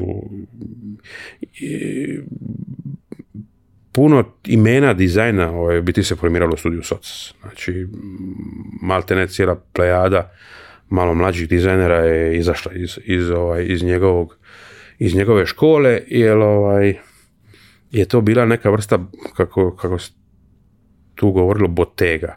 To je kao neka zanatska radnja. Da, u smislu, niko tebe tu ne uči šta trebaš raditi, ali kroz gledaš, upijaš, i okružen si, okružen si znanjem i do tebe je da koliko ćeš ga upit Ovaj, znači, kako sam ja uspio, ovaj, kako sam se iz Firence prebacio u Milano, eh, je zahvaljujući mm, dvoma događajima Koje ovaj, koji, su mi se desile. Znači, poslije, poslije ovaj, mog školovanja, Eh, stvorila se prilika da radim jedan veliki, veliki ovaj, internacionalni natječaj. Eh, to je bilo krajem 90. godina Boeing je raspisao prvi natječaj za BBJ, Boeing Business Jet. Znači, ovaj, oni su htjeli da eh, od tog 737 naprave ovaj naprave poslovnu poslovnu verziju letjelice.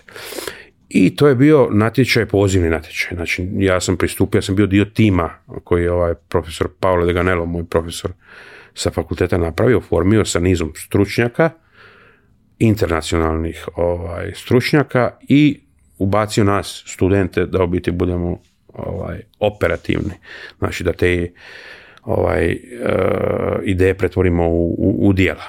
I ovaj, m, mm, ispostavilo se da je da je naš naš ovaj, prijedlog bio cijenjen, znači dobili smo ovaj, treće mjesto gdje smo pobjedili jako puno internacionalnih arhitektonskih studija. Znači, Frank Gehry je bio četvrti, peti, mislim, ovaj, Lufthansa Technik e, su bili daleko iza nas. Znači, i tu sam imao priliku da upoznam par tih e, boseva velikih arhitektonskih studija koji su me zvali da radim u Milanu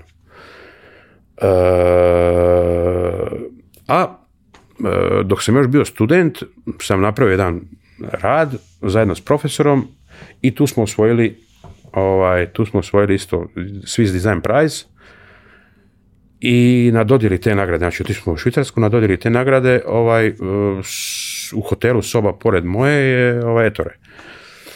Znači upoznam ga tu, malo se družimo i upoznam sve u biti njegove, ovaj, njegove associate, e, kako se zove, to su... Saradnici.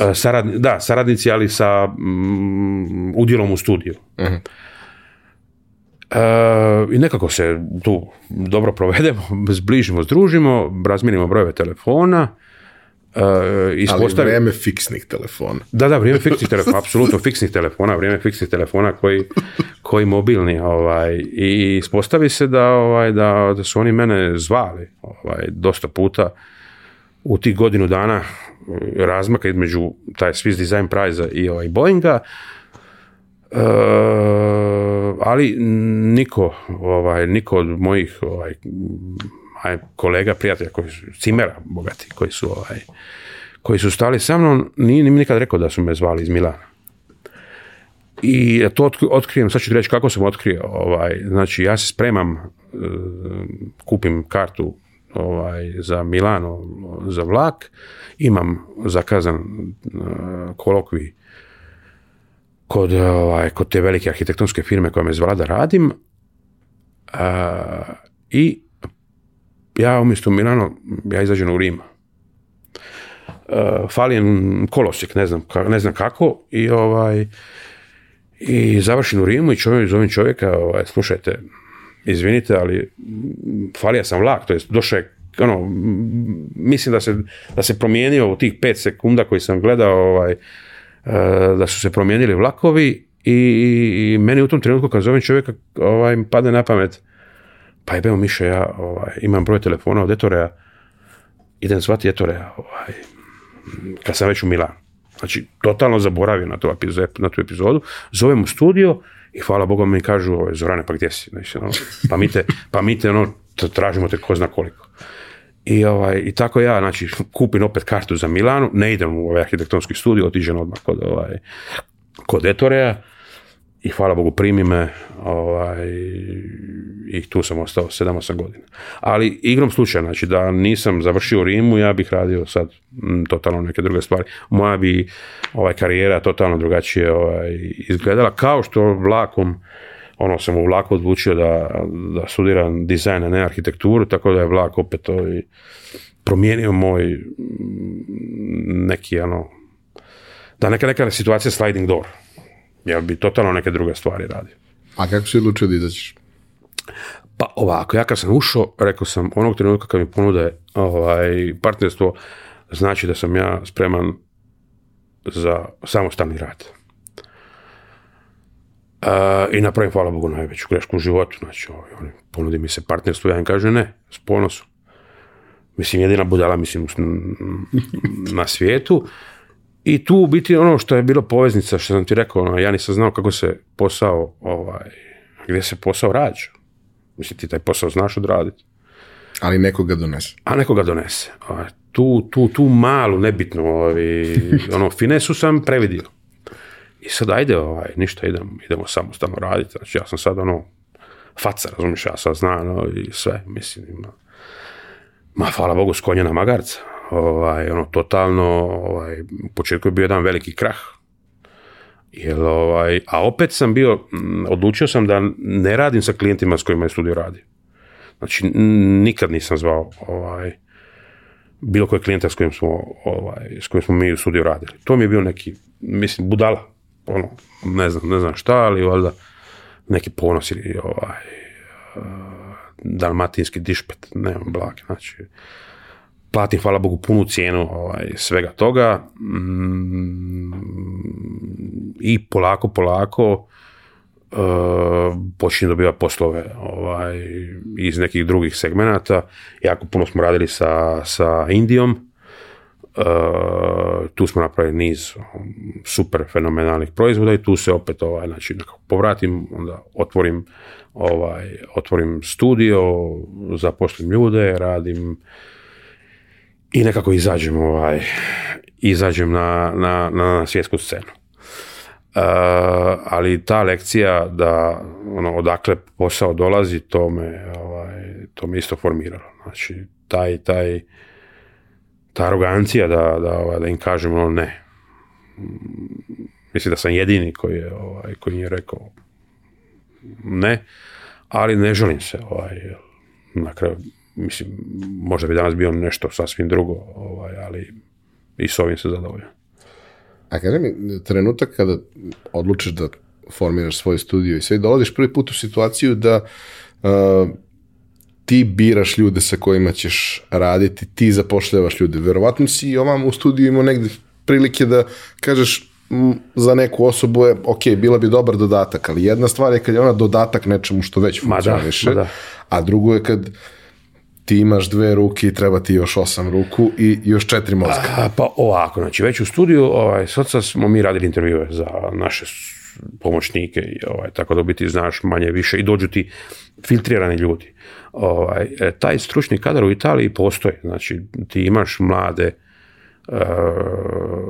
dobro obrazovane ovaj, industrijske dizajnere, ljude željne ovaj, e, radnih iskustava, i nije toliko teško naći ovaj, e, pomoćnika u početku. Ali pošto sam ja a ne znam, ono, mislim, ne mogu reći, ja sam malo i terorista. U smislu, ne, moji kriteriji su poprično... ovaj, veliki, tako da ovaj, e, ja očekujem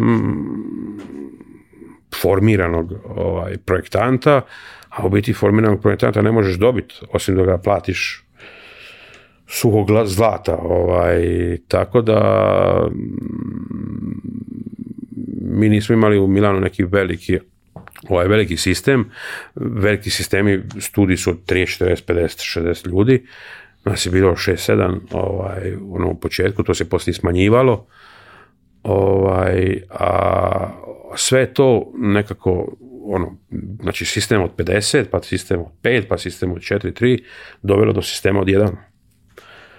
Ovaj, sad sam apsolutno ja šegrt samome sebi. Ali ovaj.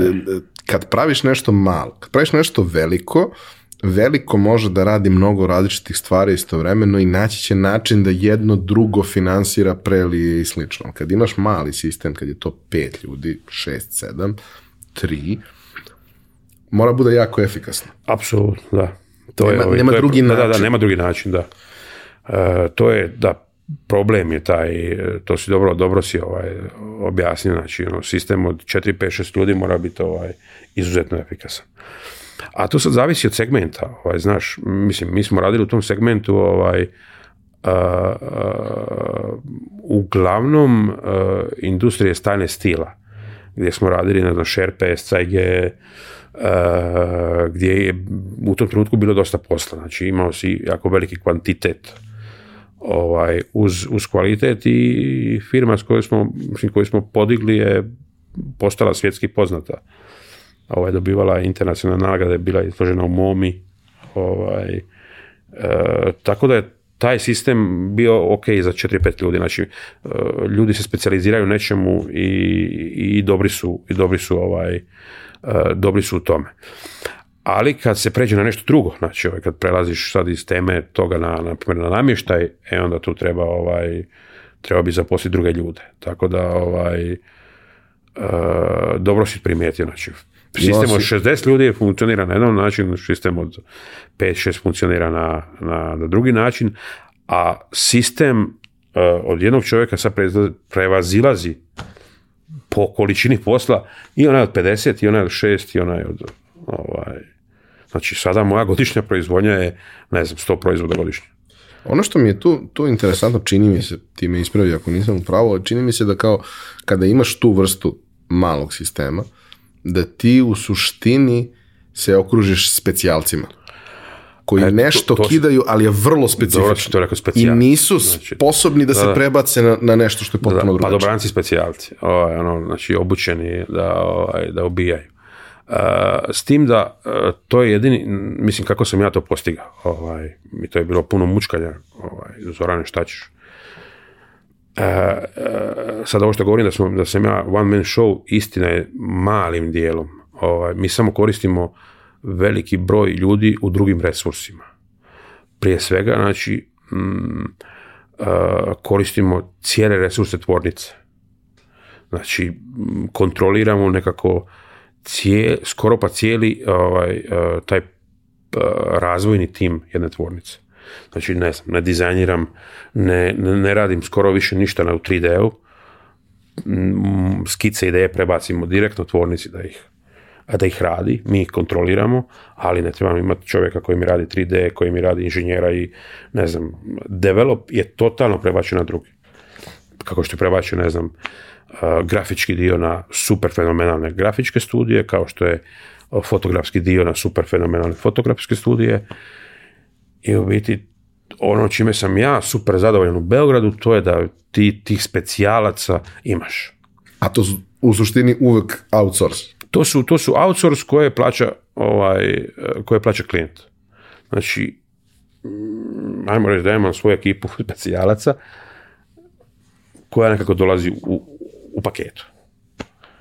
I mm, zna se jedan dio se dogovara direktno klijentu, ovaj, uspostavlja sve troškove, a ja ih, ovaj, ja ih koordiniram. Eto, to je neki sistem koji funkcionira i koji može pre, preći u sistemu 10, 20, 30, 50 ljudi bez problema. Ali nemaš tu težinu ovaj, prehrane. ja, ja nikad ne bi mogao biti privrednik. Znači, ja se divim privrednicima koje mogu ovi najveći otići u krevet, a imaju 50, 100, 200, 500 plaća za ovaj, to, to, to, to, to je preveliki teret. Mislim, divim se ti ljudima, takvih ljudi treba biti i ono, šapo, kapadoli, ja sam uvijek na strani tog uh, osviještenog privrednika. Ali ih ima sve manje i manje. Eh, kada napraviš svoj studio, pretpostavljam da je ideja da sada ti malo i biraš šta ćeš da radiš, da se malo baviš više onim stvarima koje tebe zanimaju i sve. Onda realnost dođe i kaže od nečega treba platiti račune i ima da radiš ono što ima od posla. Sad, kako ideš od toga da radiš ono što moraš, da, da dođeš do toga da malo više radiš ono što želiš? Oh, ovo je... Ovaj, pa ne znam, znaš, mislim, ja sam došao ovdje i imao sam određena znanja koje u tom trenutku na ovim područjima mislim da niko nije imao. Tako da nakon kad sad malo pogledam, ja nisam radio ništa što ovaj, nisam tija. Znači, nema projekta koje smo mi ovdje ovaj, u zadnjih deset godina napravili, a da je nešto što sam morao napraviti. Mislim, pre svega na taj period u, u, kad si napravio svoj studiju. A da, ovi, mm, to su, to su stvari koje moraš sa dignitetom, svaki, svaki, ovaj, svaki posao moraš kvalitetno napraviti. Tako da ovaj, e, sa, ne možeš reći s istim žarom, ali ovaj, finalni rezultat mora biti taj. Moraš biti profesionalac. Moraš biti profesionalac, znači to je apsolutno, ovaj, to je ono, normalno, to, to se ne pominje.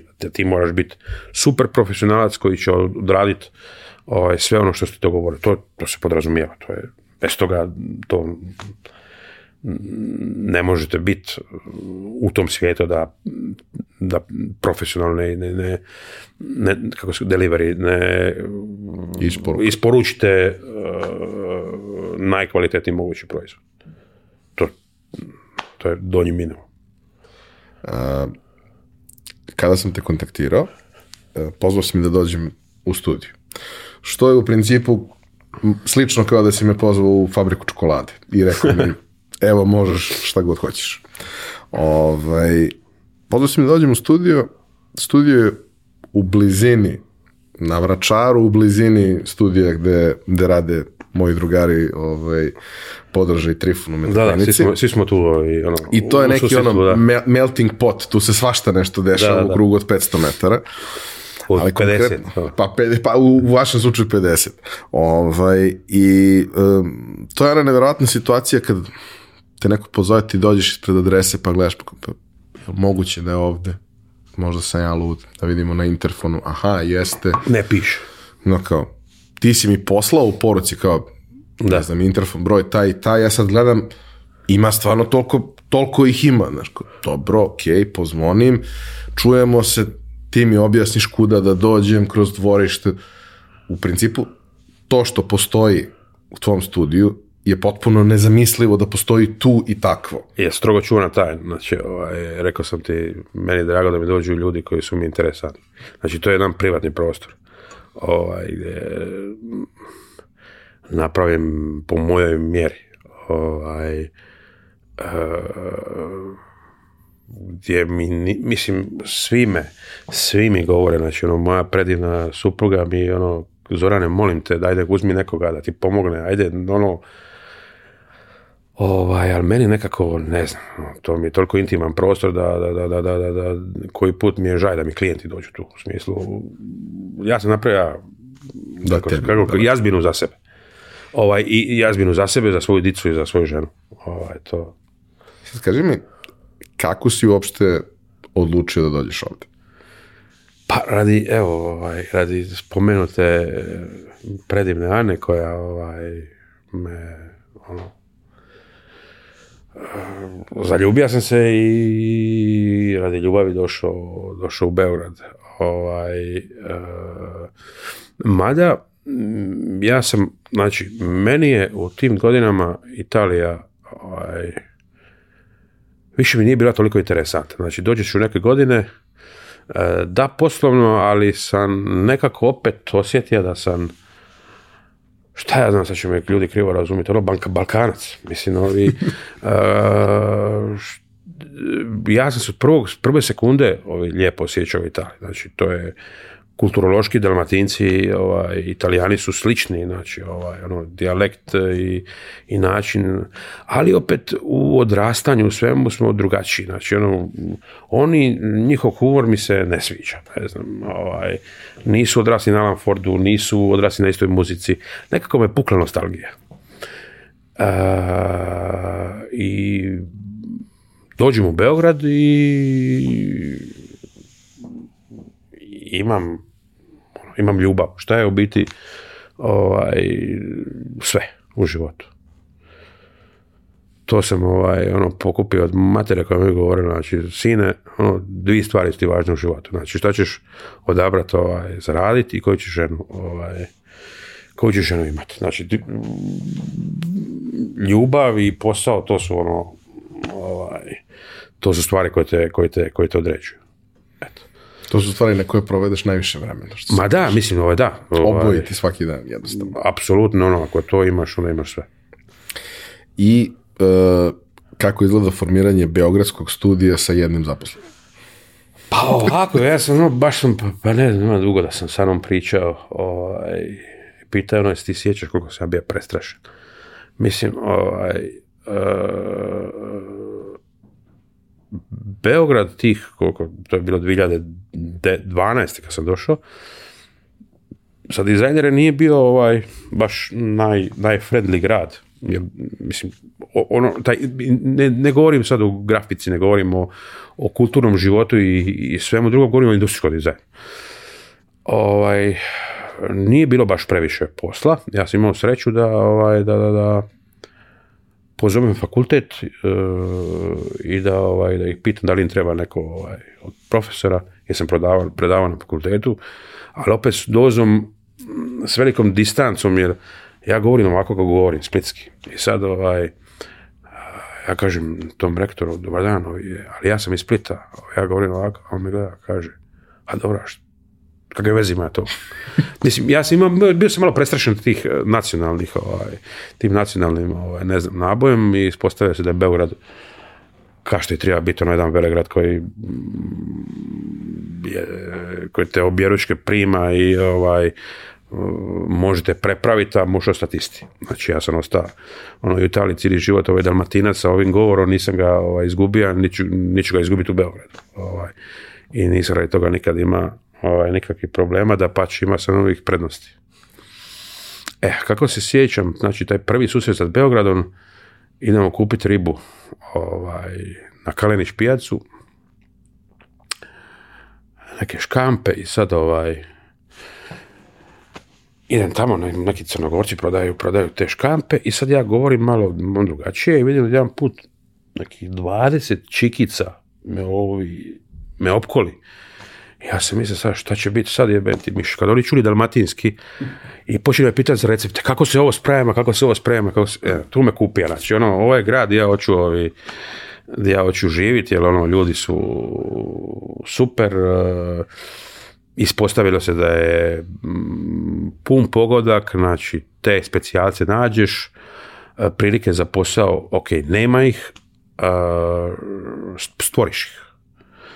Mm, nekako sam sebi u glavi rekao, ok, ovdje nema posla za mene, znači prvo mm, sam napravio ovaj, radiografiju cijele srpske regionalne proizvodnje, znači svega živog. E, pozvao direktno, dobar dan, dobar dan. Mm, ja sam taj i taj i svi su me primili. I većina firmi mi je rekla, Zorane, vi ste prvi dizajner koji nas je zvao. Znači, radi se o velikim sistemima ovaj, nije bilo od tih ovaj, poslova skoro ništa, e, dok nismo odlučili da ovaj, da malo drugačije imamo, da imamo drugačiji pristup industriji. Znači, ok, ako, ako mislim, proizvodnje ima, nema, e, nema poznavanja što je dizajn i šta dizajn može ovaj, napraviti za industriju. Ne, da, I smo, samo, samo malo, znači, situacija sa industrijom proizvodnja nameštaja kod nas je u suštini prilično slična kao situacija sa IT industrijom. Mi smo u 90% slučajeva svi veliki uspešne, uspešne firme su outsource, koji pravi nešto što je neko drugi osmislio. Mi to pravimo dobro, sirovina dolazi odakle dolazi, neke i dolaze iz regiona jer ih ima, dobre su, ali u suštini autorstva i tog dela, da kažemo, i brenda i svega toga ima jako malo. Ima ga u jeftinom nameštaju, pločastom nameštaju i sličnim stvarima, ali u onome što, što je stvarno potencijal da se napravi neka priča.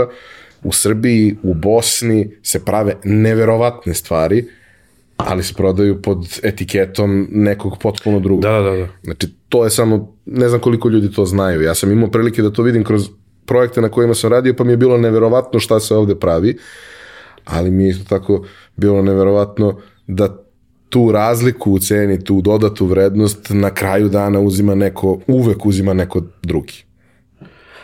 A, pa ovako, ovaj, taj proces, e, dobro si rekao, znači, pogotovo sada, znači, tih godina kad sam ja dolazio od 2012 ovaj, e, još nije bilo ni, ni, ni, te suradnje. Ovaj. Sada je ona jako izražena. Znači, najkvalitetniji danski ili italijanski brendovi imaju, imaju podizvođače u Srbiji, Hrvatskoj, e, Bosni i drugim dijelovima ovdje regiona i to je dobra stvar. Znači, dobra je stvar da privrednici vide i nauče što je kvalitet. Ovaj, I to je prvi pred, preduslov da naprave step forward, znači da sanjaju da imaju neki svoj brand. Ovaj, e, I upravo taj neki tajming, znači moja odluka da da, da, da, da, da, da, da, da, da na vrijeme skužim što ovdje treba, znači, ok, imamo predivnu proizvodnju, imamo ljude koji znaju, imamo kulturu, imamo tradiciju, imamo sve, ali e, globalno razmišljanje kako napraviti brand, niko, niko, se s tim nije bavio. I onda kažem, ok, znači ovo je dana prilika da uđemo u taj sektor, znači tog nekog ajde, kreativnog art direktorstva. Znači, mi rekao sam, nećemo, nećemo projektirati, nema, nema, nema, nema razloga da napravimo jednu stolicu za, ne znam, za nekog proizvođača koji nema svoj brend nego idemo ih pretvoriti u brend Sa svim iskustvima iz Italije, ovaj, gdje je dizajner sastavni dio svega toga, znači ti vidiš ti naučiš, ti prisustuješ svim živim događajima, eventima, e, fotoshootinzima, znaš kako se to, kako se to radi, znači to znanje sam imao, idemo ga, ovaj, idemo ga predstavljati privrednicima. I tu su dolazili do prvih, ovaj, do prvih nekako ovaj, zatvorenih vrata i trebalo je određeno vrijeme dok se to prirodno ne desi. Znači, e, ta, ta, ta transformacija ili preinaka individue i, i, i proizvođača i tvornice mora potići od njih. Znači, vi morate biti mm, svjesni da vam treba promjena. I trebate tražiti tu promjenu. I trebate tražiti stručnjaka koji će vam pomoći da se pretvorite. Znači, svaki pokušaj gdje smo mi pokušavali pretvoriti firmu u nešto drugo, a da oni nisu ovaj, nas zvali, to je da je bilo obrnuto, nije uspio. Znači, samo onog trenutka kada se čovjek ono, hoće promijeniti ili se tvornica hoće promijeniti, e onda se stvarno može promijeniti. Znači, to mora biti njihova odluka da traže pomoć nekoga. Ovaj, i polako, polako smo mi stvarili tu reputaciju, ovaj, znači studija koji uspjeva stvoriti brend. Znači ne napraviti proizvod, nego stvoriti e, dati filozofiju, pečat, upečatljivost e, brendu e, sa novim proizvodima i iznjedrit i komunikaciju tih novih proizvoda, iznjedrit i plasman tih novih proizvoda i cijeli niz ovaj, gdje pratimo sve te stvari u, u paketu i onda dijelom dizajniramo. Ovaj, za sada gdje još uvijek dosta dizajniramo, ali meni je nekako u interesu i cilj mi je, ne toliko, meni je, meni cilj stvoriti brendove koji će poslije raditi s drugim dizajnerima, ali mi smo ih uobličili. I podigli. I podigli, da. I nekako ih stavili na noge gdje će oni ovaj, jednog dana samostalno, ovaj, samostalno djelovati. E, zato znači treba cijeli niz tih specijalaca i zato sam rekao, Beograd nudi cijeli niz tih super specijalaca, svjetskih vaca, ovaj, možda je dobro da se previše, da oni previše ne kuži da su svjetske face, će podigni toma cijene, ali ovaj, zafrkavam se. Ovaj, ne, znači vi iz Beograda možete mm, stvoriti svjetski brend. Ako taj brend želi da se, ovaj, da se, da se, da se, da se promijeni. Uh, jedna od stvari koja se značajno promenila u tom periodu od deseta godina – jeste i to što ono, ja sam uvek volao da odem na sajam namještaja zato što volim namještaje pa je lepo otići na sajam. Ali sajam namještaja je bio mesto na kome ti ideš da vidiš šta je ko novo izbacio, imaju uvek neke akcije, neke cene, pa ako treba da obnoviš dnevnu sobu ili da kupiš nešto, to je dobro mesto da vidiš šta je izbor i da možda nešto uzmeš po nekim povoljnijim cenama, pa onda to čekaš jedno tri meseca kako obično biva sa našom ovaj, industrijom. I to je tako bilo pre 10 godina. 10, 11, 9. Ali ono što se desilo u prethodnih 6-7 godina, jeste to da kada dođeš na sajam namešte, ti dobiješ uh, jednu neverovatnu inekciju inspiracije jer su počele da se pojavljaju stvari koje se nisu pojavljivale pre toga. Naravno i sada imaš najveće fabrike i sve ono što, što oni rade komercijalno i sve je to u redu, ali sada imaš jako veliki broj tih nekih malih proizvodnji, srednjih proizvodnji, koje prave nešto što niš mogu da zamisliš da u Srbiji postoji i da neko pravi. I da možda ne možeš kod njih da opremiš svoju celu dnevnu sobu, negdje možeš naravno, ali možeš da uzmeš nešto što će dnevnoj sobi koja je vrlo generička da da dušu. Hvala Bogu, da. I to su stvari koje su se tu izdešavale.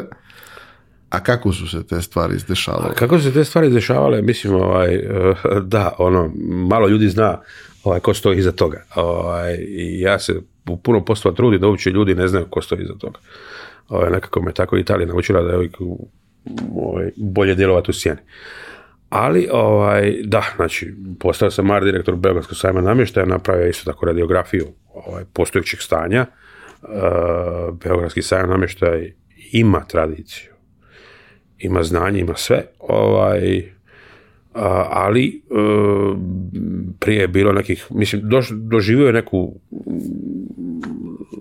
negativnu, negativnu putanju koju ovaj, je trebalo podignuti na, na, na, na, na, na, na viši nivo i ovaj, uh, imali su hrabrosti da me slušaju. E, I na tome svaka čast cijelom menadžmentu, jel ovaj, uh, djelovalo je malo, malo, malo sudo predložiti da idemo u taj više biznis segment, da dovodimo internacionalne bajere, da mm, umjesto prodajnog sajma počnemo raditi sajam koji je ovaj reprezentativnog karaktera, znači gdje će se, gdje će ljudi predstavljati svoje proizvode i tražiti potencijalne kupce, a ne te tu Milicu iz Parajeva, nego ovaj, velikog bajera. I bilo je jako teško prve godine to napraviti, ali nekako, mislim, to je bio ludarski posao i luđački posao gdje sam se ono, totalno dao i ovaj, te, te prve godine su udareni pečati u, ovaj, u, u taj novi Beogradski sajam namještaja drago mi da je neko vidio razliku, jer ima ljudi koji ne vide razliku, ovaj, osim u podizanju cijena. Ja mislim da smo podigli kvalitet i da su i, i ti regionalni proizvođači kojih je bilo, a koji su izbjegavali Beogradski sajam radi tog malo pristupa ovaj, gdje je u biti bilo važnije prodati tri šlepera nego predstaviti ovaj, predstaviti proizvod, ovaj, polako su se, neki su se vraćali, neki su došli po prvi put.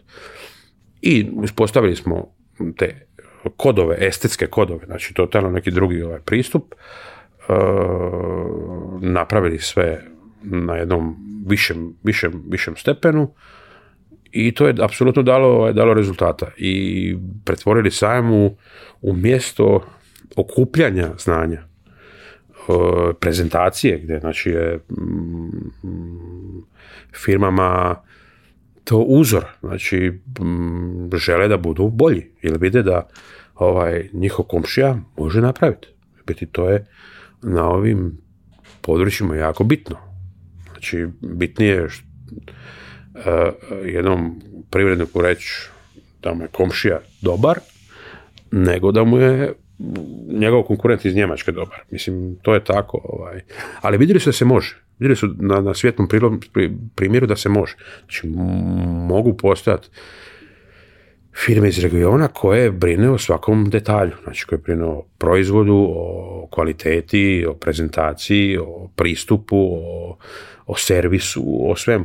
Da odabiru samostalno svoj put, da ne kopiraju nikoga, da Mm, idu uh, snažnim koracima napred prema, prema nekim evropskim ili svjetskim tržištima, bez, ovaj straha uh, što će ljudi misliti da li su oni iz Srbije, Bosne i tako dalje. Toga je u početku bilo. Sada vam je u svijetu ovaj dizajna, pogotovo namještaja od punog drva, kad kažete da ste iz Bosne, pa, je da ste iz Bosne nego da ste iz Italije. pa, Hvala bih da podeliš sa nama i e, u tom procesu samostalnog rada, u tom procesu rada iz Beogradskog studija, koji su ti bili omiljeni projekti na kojima si radio? Hm. Pa, ajmo reći ovako, mislim, meni je svaki, svaki posao mi je e, zanimljiv, znači, biramo klijente. Ovaj, znači, nikad nisam tražio klijente, uvijek su klijenti, dolazili i ovaj, tražili da s, njima, da s njima radimo. Tako da taj prvi neki filter je mm, već presudan. Mora mi eh, nekako s kim, s, kim, s kim ću raditi, mora mi biti simpatičan, eh, zato što usko surađujemo s industrijom. Znači, tu treba doći do nekog E, do nekog e, odnosa, poštovanja i, ovaj, i stimulansa. Jer e, kada mi radimo takve, znači uglavnom radimo operacije mm, tog art direktorstva i onda u skopu art direktorstva projektiramo. Znači, uglavnom radimo preinake. Znači, želi neko da dođe i da postane bolja firma koja će biti vidljivija. Ovaj, jako malo radimo projekata koji nisu vezani uz to. Ovaj, jer tako je veća kontrola i mislim da se da to fali ovom podnevlju, znači da iznjedrimo što više kvalitetnih firmi, brendova koji će samostalno moći u svijete. Ili povezani, znači moj san je da ih povežu Ovaj, da, da, da, da se spori neka vrsta asocijacija, ali nema veze to u tom poslije ili nekom drugom prilikom. Uh, tako da nemam naj, naj, naj, ono, najdraži mi je proizvod koji će izaći sutra. Ovaj, nemam, nema favorite. Imam par velikih razočarenja, ali ovaj, međutim koji su ono, kvalitetni, ovaj, nemam, nemam favorite. E, vrlo je teško da se desi ta promjena. Ta promjena da ti od nekog ko je proizvođač koji gleda razliku u ceni koliko ga neko plaća da, da uradi stvar gdje ne mora da razmišlja, nego samo postavi proces i to se dešava, dođeš do toga da ono što, što ja volim da kažem ovdje u da zakomplikuješ sebi život. Jer jedino ako zakomplikuješ sebi život možeš da napraviš neku veću da. vrednost. Ovaj, to, to je težak iskorak, dešava se, postoje svetli primjeri, ima nekih dobrih stvari koje, koje se dešavaju u industriji, ali naravno da ima još uvek mnogo prostora i da smo mi i dalje primarno industrija koja se bavi jeftinijom proizvodnjom na jednom vrhunskom nivou nego neko drugi. I sjećam se jednog, jednog ovaj, intervjua pre x godina. Um, ovaj, neki namještaj od presovanog furnira sa, sa, sa nekim metalnim osnovama i tako dalje, institucionalni namešte i sad oni su dosta radili za Nemce i rade već, radi dalje, rade 20 godina. Ovaj, I kao prvi put kad su radili, ono, ugovor sa Nemcima podrazumeva da postoji tu sad svašta nešto od, od standarda i ne znam, standard je da ne znam, 1% može da bude škart. Sve preko toga je problem. Ali to, to problem u slučaju rada sa Nemcima nije, baš su oni to meni tako ispričali, bilo mi je jako simpatično, kao nije to, e, oni se uh, naljute i uvrede i onda umanjite fakturu sledeću za broj, ne ne, samo vratite ceo šleper. Pa da. I kažu, mi nećemo da proveravamo. Pa da, pa znači, to je to. I to te natera da naučiš i da ti uradiš tu kontrolu kvaliteta. A to je samo jedan mali korak u tome da ti dođeš do nečega da si u stanju da napraviš neku stvar. I dosta često imamo taj ono taj, taj problem kad pričaš sa tim malim proizvođačima zanatskim koji rade neke sjajne kreativne stvari, što oni ne uzimaju u obzir to da njihov predmet koji su napravili, odnosno komad nameštaja koji su napravili je nameštaj koji će da se koristi u realnim uslovima eksploatacije. Pa to što ti ne znam, neku stvar uh, si uradio u određenom finišu koji izgleda super, ali u realnim uslovima će da izgleda jako loše za godinu dana ako ga koristiš, to znači da nije dobar proizvod. Pa da. On je možda dobro osmišljen, možda dobro nacrtan, ali nije završen. To je poluproizvod i dalje, bez obzira na to što je lep. I ta zrelost je u principu ono što razlikuje one koji su stvarno uspeli da odskoči da naprave nešto u odnosu na one koji samo imaju jako mnogo talenta i dobre ideje i sve. Sad, kako mi da dođemo do toga da sazrimo kao tržište? Region ceo, ne samo naravno Srbije. Pa, da, kao proizvodni proces, ovaj, više nego kao tržište, da, kao tržište, e, tržište rada. Ovako, znači, svaki posao koji se radi treba se napraviti najbolje moguće. E, dobro je da da taj jedan osviješteni dio, pogotovo evropskih proizvođača, govorimo sad o namještaju, želi bar dijelom e, prepaciti proizvodnju na naša, na naša područja, to znači da se prenosi neki know-how ovaj, e, proizvodni, što je, što je dobro što je u biti neki osnov, znači minimum minimuma. Da je nešto napravljeno kako treba, to je minimum minimum. Što znači da ovladaš tehnologijom. Da ovladaš tehnologijom, a ne samo tehnologijom, znači da ovladaš, da ovladaš e, e, spoznajom zašto te neko ludi za pola milimetra. E, zašto je to toliko važno? Zašto treba biti sve napravljeno kako, kako Bog zapovida? Znači, taj kvalitet je spušten do najmanjih mogućih ono pora ovaj, kompanije. To je normalno. Znači, to je onda prvi preduvjet da u biti vi počnete razmišljati, da razumijete šta znači ovaj, radi za jedan brand koji u biti prodaje svoje proizvode, koji sebe stavlja na tržište i nudi svoju filozofiju i nudi samog sebe. Znači, to je brend. Znači, nudiš, ovaj, uh, nudiš nešto što si ti proizveo, što si razvio, iza čega stojiš i priču koju si ispričao treba biti autentična i ovaj uh, zanimljiva zanimljiva tržištu. E, proizvodnja nije osnov brenda. Proizvodnja može biti napravljena bilo gdje u svijetu. Znači, mm, to je prva prepreka. Ovaj, e, kada e, proizvođač treba skužiti da za brend ne treba proizvodnja. To je, to je prvi pred, ovaj, pred, pred, pred uvjet. E, uglavnom su brendovi editori. Znači, što znači da im nosioci su znanja, iskustava, nosioci su distribucije, i kontakata i to znanje mogu transferirati negdje ovaj, ili naći nekog i da im, da, im, da im, radi, da im radi taj proizvod, ako ne žele otvorati svoju firmu, mogu naći nekog ko će im, ovaj, ko će im kvalitetno napraviti. E sad se dešava u regionu ovaj, u, u toj proizvodnji namještaja se dešava upravo da ti proizvođači, znači ovaj, svi naši brendovi koji su polako postali brendovi su i proizvođači i brendovi, što nije loš. E, što je u ovim uvjetima neophodno, jer nažalost ne postoji velika široka mreža dobavljača kvalitetnih koji ti mogu odraditi kao u Italiji.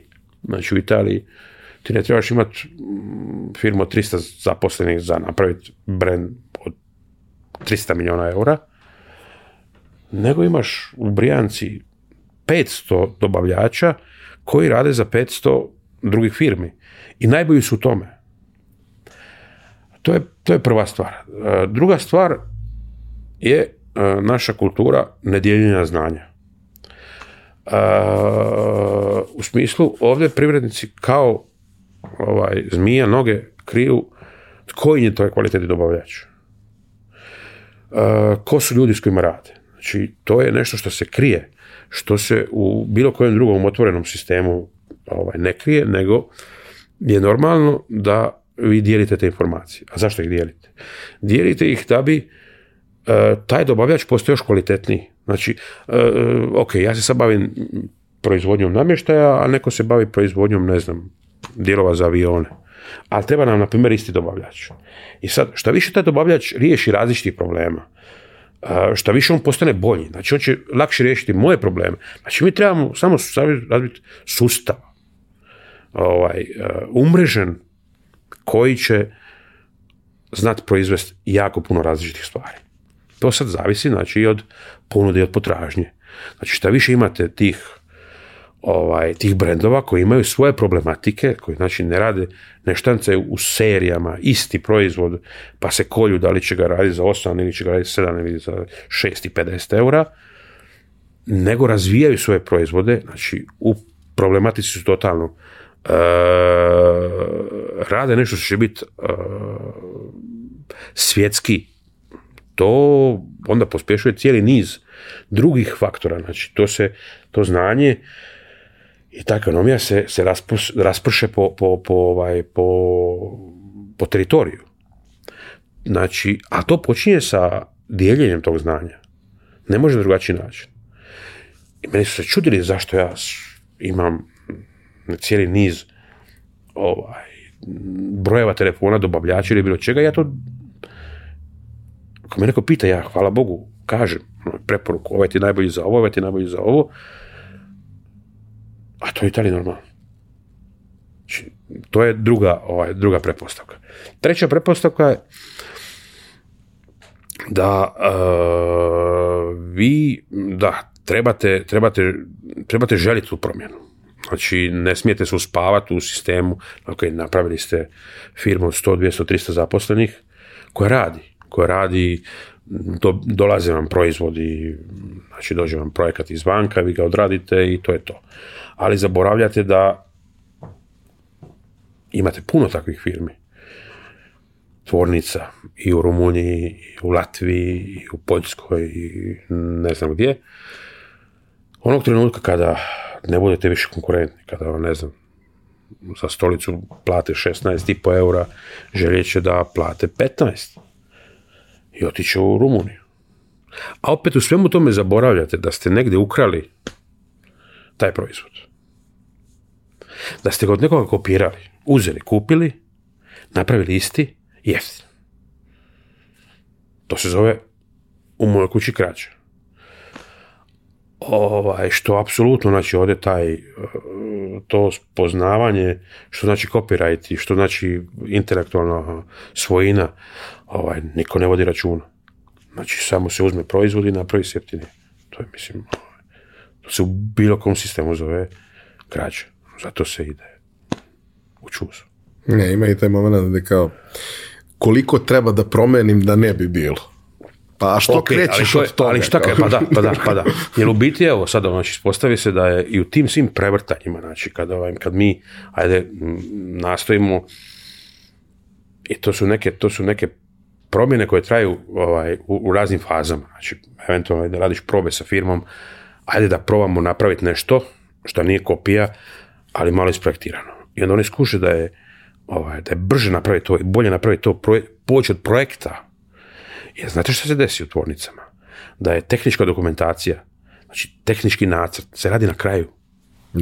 ne, ne počne se od tehničkog nacrta, nego se počne od, od dođeš proizvod, pa ga ti kopiraš, razmontiraš i onda tehnički nacrt treba samo za proizvodnju. Znači, niko nije isprojektirao to nego je samo pripremio za proizvodnju. I to je teži put nego nešto napravi kako Bog zapovita. Mislim, to je kao da ideš sam graditi vikendicu ili ti je arhitekta isprojektira kako Bog zapovita. I sad ti misliš da ti je arhitekta uzeo novce, arhitekta ti nije uzeo novce, ti može u nečem drugom jako puno pomogao i uštedio. Mislim, to su sad, je, ali to je kulturološki Ovaj. Znači kad to iskorijenimo, onda ćemo početi ovaj. I sad ima tu brendu još niz stvari, ali u svakom slučaju poanta je ako brend ako tvornica želi da se promijeni, e tada je moment da ovaj, da se mijenja. Znači, treba, treba doći do spoznaje da se žele promijeniti. Ono što je meni tu posebno interesantno je zapravo uh, taj ugao koji u suštini znači da ne moraš da imaš fabriku da bi nešto pravio. Ja to godinama pričam ljudima za najrazličitije stvari. Mi, mi volimo da imamo fabrike. Ja isto, ja bih mnogo volao pa da imam fabriku. Pa da, da. mnogo lepo kad čekam fabriku. Ili radionicu, ozbiljnu radionicu. Ne mora niko da ima unutra, samo da ja imam sve što meni treba, da mogu jednom u šest mjeseci da dođem da se igra. I što kao, šta hoćeš da praviš? No, hoćemo da pravimo voćne sokove, prirodne, ovako, onako. Dobro, šta ti treba za to? Fabrika. Ne. Treba ti receptura, trebati sirovina, a verovatno postoji nekakva standardizovana, ali ako hoćeš nešto specifično, treba ti sirovina, treba ti receptura, treba ti packaging koji opet nećeš praviti, nego ćeš odabrati. I jedino što ti stvarno treba je da osmisliš kako će da se zove, da napraviš etiketu, da napraviš taj deo priče. I to je to, kao, a može da ti proizvede neko drugi. Pa e. ako poleti, pa ti onda uzmi napravi šest fabrika ali ne moraš da dođeš u situaciju da si napravio nešto što je što tebi se najviše na svetu sviđa, samo niko ne želi da ga kupi ti sad imaš jednu fabriku viška. Pa da, znači ovaj, e, da, prva greška je to što e, se previše, previše se, e, kako se personaliziraš sa, s idejom. Znači to se tebi sviđa ne mora se svidjeti nekom drugom. To je sad već je, ono, naš, naša bojka počinje od osnovne škole Znači, od, nepripremanja ljudi na, na, na, da imaju bilo kakav biznis ili poduzetnički duh. Znači, da zna realno ovaj, razlučiti šta može, šta može proći, šta ne može proći, šta je inovativno, šta nije inovativno. Znači, mi toga još nemamo u školama. Ovaj, onog trenutka kada budemo imali, a imamo sve predispozicije da, ovaj, znači, e, smo inteligentan narod, poprilično smo ovaj, snalažljivi, ovaj, što je jako bitno, e, Samo kritičnika kad treba, e, sa velikom dozom i, ovaj, i humora i, znanja i hrabrosti. Ovaj, e, samo malo, malo sistem treba, ovaj, treba, treba promijeniti. Da bi da bi ovaj, bili više, više, više sami privrednici. E, slažem se ja s tom da ne treba ovaj, ja bi samo možda tu taj, taj laboratorij, tu malu, malu ovaj, malu radionu zadržao. Jer ovaj, kad radiš evo sad taj sok, bilo je poželjno kada znaš napraviti. Ovaj, znači da ipak se razumiš u, u materiju. Ovaj, Ili da angažaš nekog ko to fantastično... Ma da, da, da, ok, ali, ali taj proces, ovaj, e, taj proces e, je dobro, dobro, dobro poznavat. Mislim, ne mora se, ali ga je uvijek bolje, ovaj, uvijek ga je bolje poznavat, jer onda ćeš i prepoznat greške. Lakše ćeš, neće te neko mutit. Mislim, ako znaš o čemu pričaš, onda znaš i šta tražiš i koju ćeš fabriku naći. Ovako je sve to neko ovaj, ono malo u početku lutanje. Eh, ali opet eh, govorim sad o industriji namještaja, dobro je da, da postoje proizvođači jer imamo tu ovaj, imamo, ovaj, eh, resurse, imamo znanja, imamo ovaj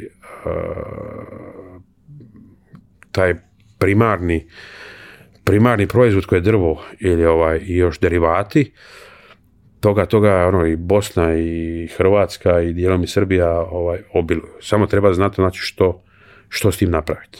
Znači, ovaj, to se treba pretvoriti u finalni, e, visoko kvalitetni i visoko pozicionirani proizvod. Ono što kaže profesor e, Miodrag Zec, e, koliko košta kilo drveta ono, ako je sirovina, a koliko košta ako je napravljeno u nekakav proizvod koji je, koji je vrhunski i koji je prošao ono, na mnogo mesta mu je dodata vrednost. Ali ta vrednost na kraju da. mnogo, mnogo veća. Dobro. Zoran živi i radi u Beogradu. Ne samo u Beogradu, ali živi i radi u Beogradu. Prošao je 20 godina karijere svega i svačega. I šta Zoran želi da radi u narednom periodu? Kako vidiš sebe kroz vreme? Jednostavno, znači kao što sam vidio sebe uvijek. Ovaj, ja sam, meni je taj, eh, taj život eh, dizajnera koji rade u biti, koji nekako snose svu odgovornost i se svog posla, ja sebe vidim do, do, do god živim da radim. Ovaj, kao što su i svi moji ovaj, profesori ili, ili uzori onog trenutka kad su prestali raditi, otišli se na drugi svijet. Znači, to ali ne znam zašto, ne znam kako, svi su oni negdje 85, 89, 90, 98, 101, ovaj, sve sto ljudi koji i koji su biti najbolje stvari napravili od 50 60. Tako da ja sebe smatram kao nekog početnika. Ovaj, mislim sada tek sad, ono, da će doći tek vrijeme ovaj, kad ću raditi ozbiljno kaži mi taj deo prenošenja, prenošenja znanja i iskustava koje imaš. da li si uopšte otvoren za to? Mislim, iz svega što si rekao se vidi da jesi. koliko si otvoren za to da ono, neko mlad ko vidi sebe u ovoj priči, vidi sebe kao tebe pre dosta godina, da na neki način budeš mentor, da na neki način dobije, dobije neko iskustvo, podršku, podstrek? A, to mi već godinama radimo. Mislim, ovaj, e, manje više ljudi koji se bave ovim poslom imaju već i mladi ovaj, imaju već moj broj telefona, tako da ovaj, i dolazili su u studiju, uvijek im dajem savjete, nastojim ih e, sa, ovaj, sa firmama. E, svi moji studenti koji su bili ovdje studenti, svaki je dobio broj telefona svih ovaj, svih mojih klijenata i to ovaj, mada se ispostavio da nikad nisu zvali ovaj, nudili svoja znanja i iskustva, ali to nema veze. A, to je neka vrsta mm, zadovoljstva ovaj, da, da, da dijeliš svoje znanje a to je na kraju kraju u meni. I vidio sam i to koji su mi bili uzori. Znači, meni su ti velikani pomogli. Mislim, dijeleći mi znanje, ali iskustva i, razne druge stvari. Tako da mislim da je normalno da, ovaj, da neko iskusniji od tebe te i usmjerava. Sad zavisi, zavisi da li želiš da te ovaj, eh, koji put je to dobro, koji put to nije dobro. Znači ja sam pobornik da uh, iskustvo te koji put može ugušiti. Znači previše, ovaj, da si previše samouvjeren u, u samo tvoje iskustvo je pogubno. Znači trebaš se razvijat ovaj, izvin, e, trebaš se razvijat na, na, ovaj, na svakodnevnoj bazi, ne smiš, ne smiješ nikad stat, jer ako staneš ideš nazad e, i to trebaš shvatiti što prije. Tako da ovaj, pomoć tim mladim ljudima, mislim da su da smo super talentirani, ima jako puno ovaj, mladih dizajnera i u Hrvatskoj, i u Srbiji, i u Bosni, i u Sloveniji, kojima treba samo prilika. ja znači- se nadamo da će je dobiti u ovom regionu. Eh, apsolutno da, jer ovaj, ne možemo se treći da se na dnevnom nivou stvaraju novi brendove, ali postoje, znači treba, treba ih imati malo na radaru i treba, treba, treba se treba se nuditi na tržištu, znači treba se postaviti tako da, ovaj, da kad si mlad, hvala Bogu, da, da moraš tražiti posao. Moraš imati priliku da se, da se, da se mm, formiraš. Tako je to svugdje u svijetu. moraš da se pokažeš, ne možeš, da čekaš da te primete. Pa hvala Bogu, pa hvala Bogu. Zorane, hvala ti od srca za priču koju si podelio i za jedan dobar presek i jedne vrlo ozbiljne industrije, ali i našeg mentaliteta koji nas je doveo tu da su nam većina industrija u tom nekom u nekoj fazi koja nije loša, ali ne bi bilo dobro da ostanu dominantno u toj fazi. Ma, ma da, mislim da, ovaj, ali ima apsolutno nade, ovaj, ja sam uvjeren da, da su ovo područja u koje ćemo ono tek nikrit ovaj, pravi, pravi brendovi, a već ih ima dosta. Slažem se, slažem se. Hvala ti puno. Hvala vama što ste nas slušali, nadam se da vam je bilo interesantno. Sve komentare, sugestije ostavite u polju za komentare na YouTube-u. To bi bilo to za ovu nedelju, mi se vidimo ponovo naredne nedelje.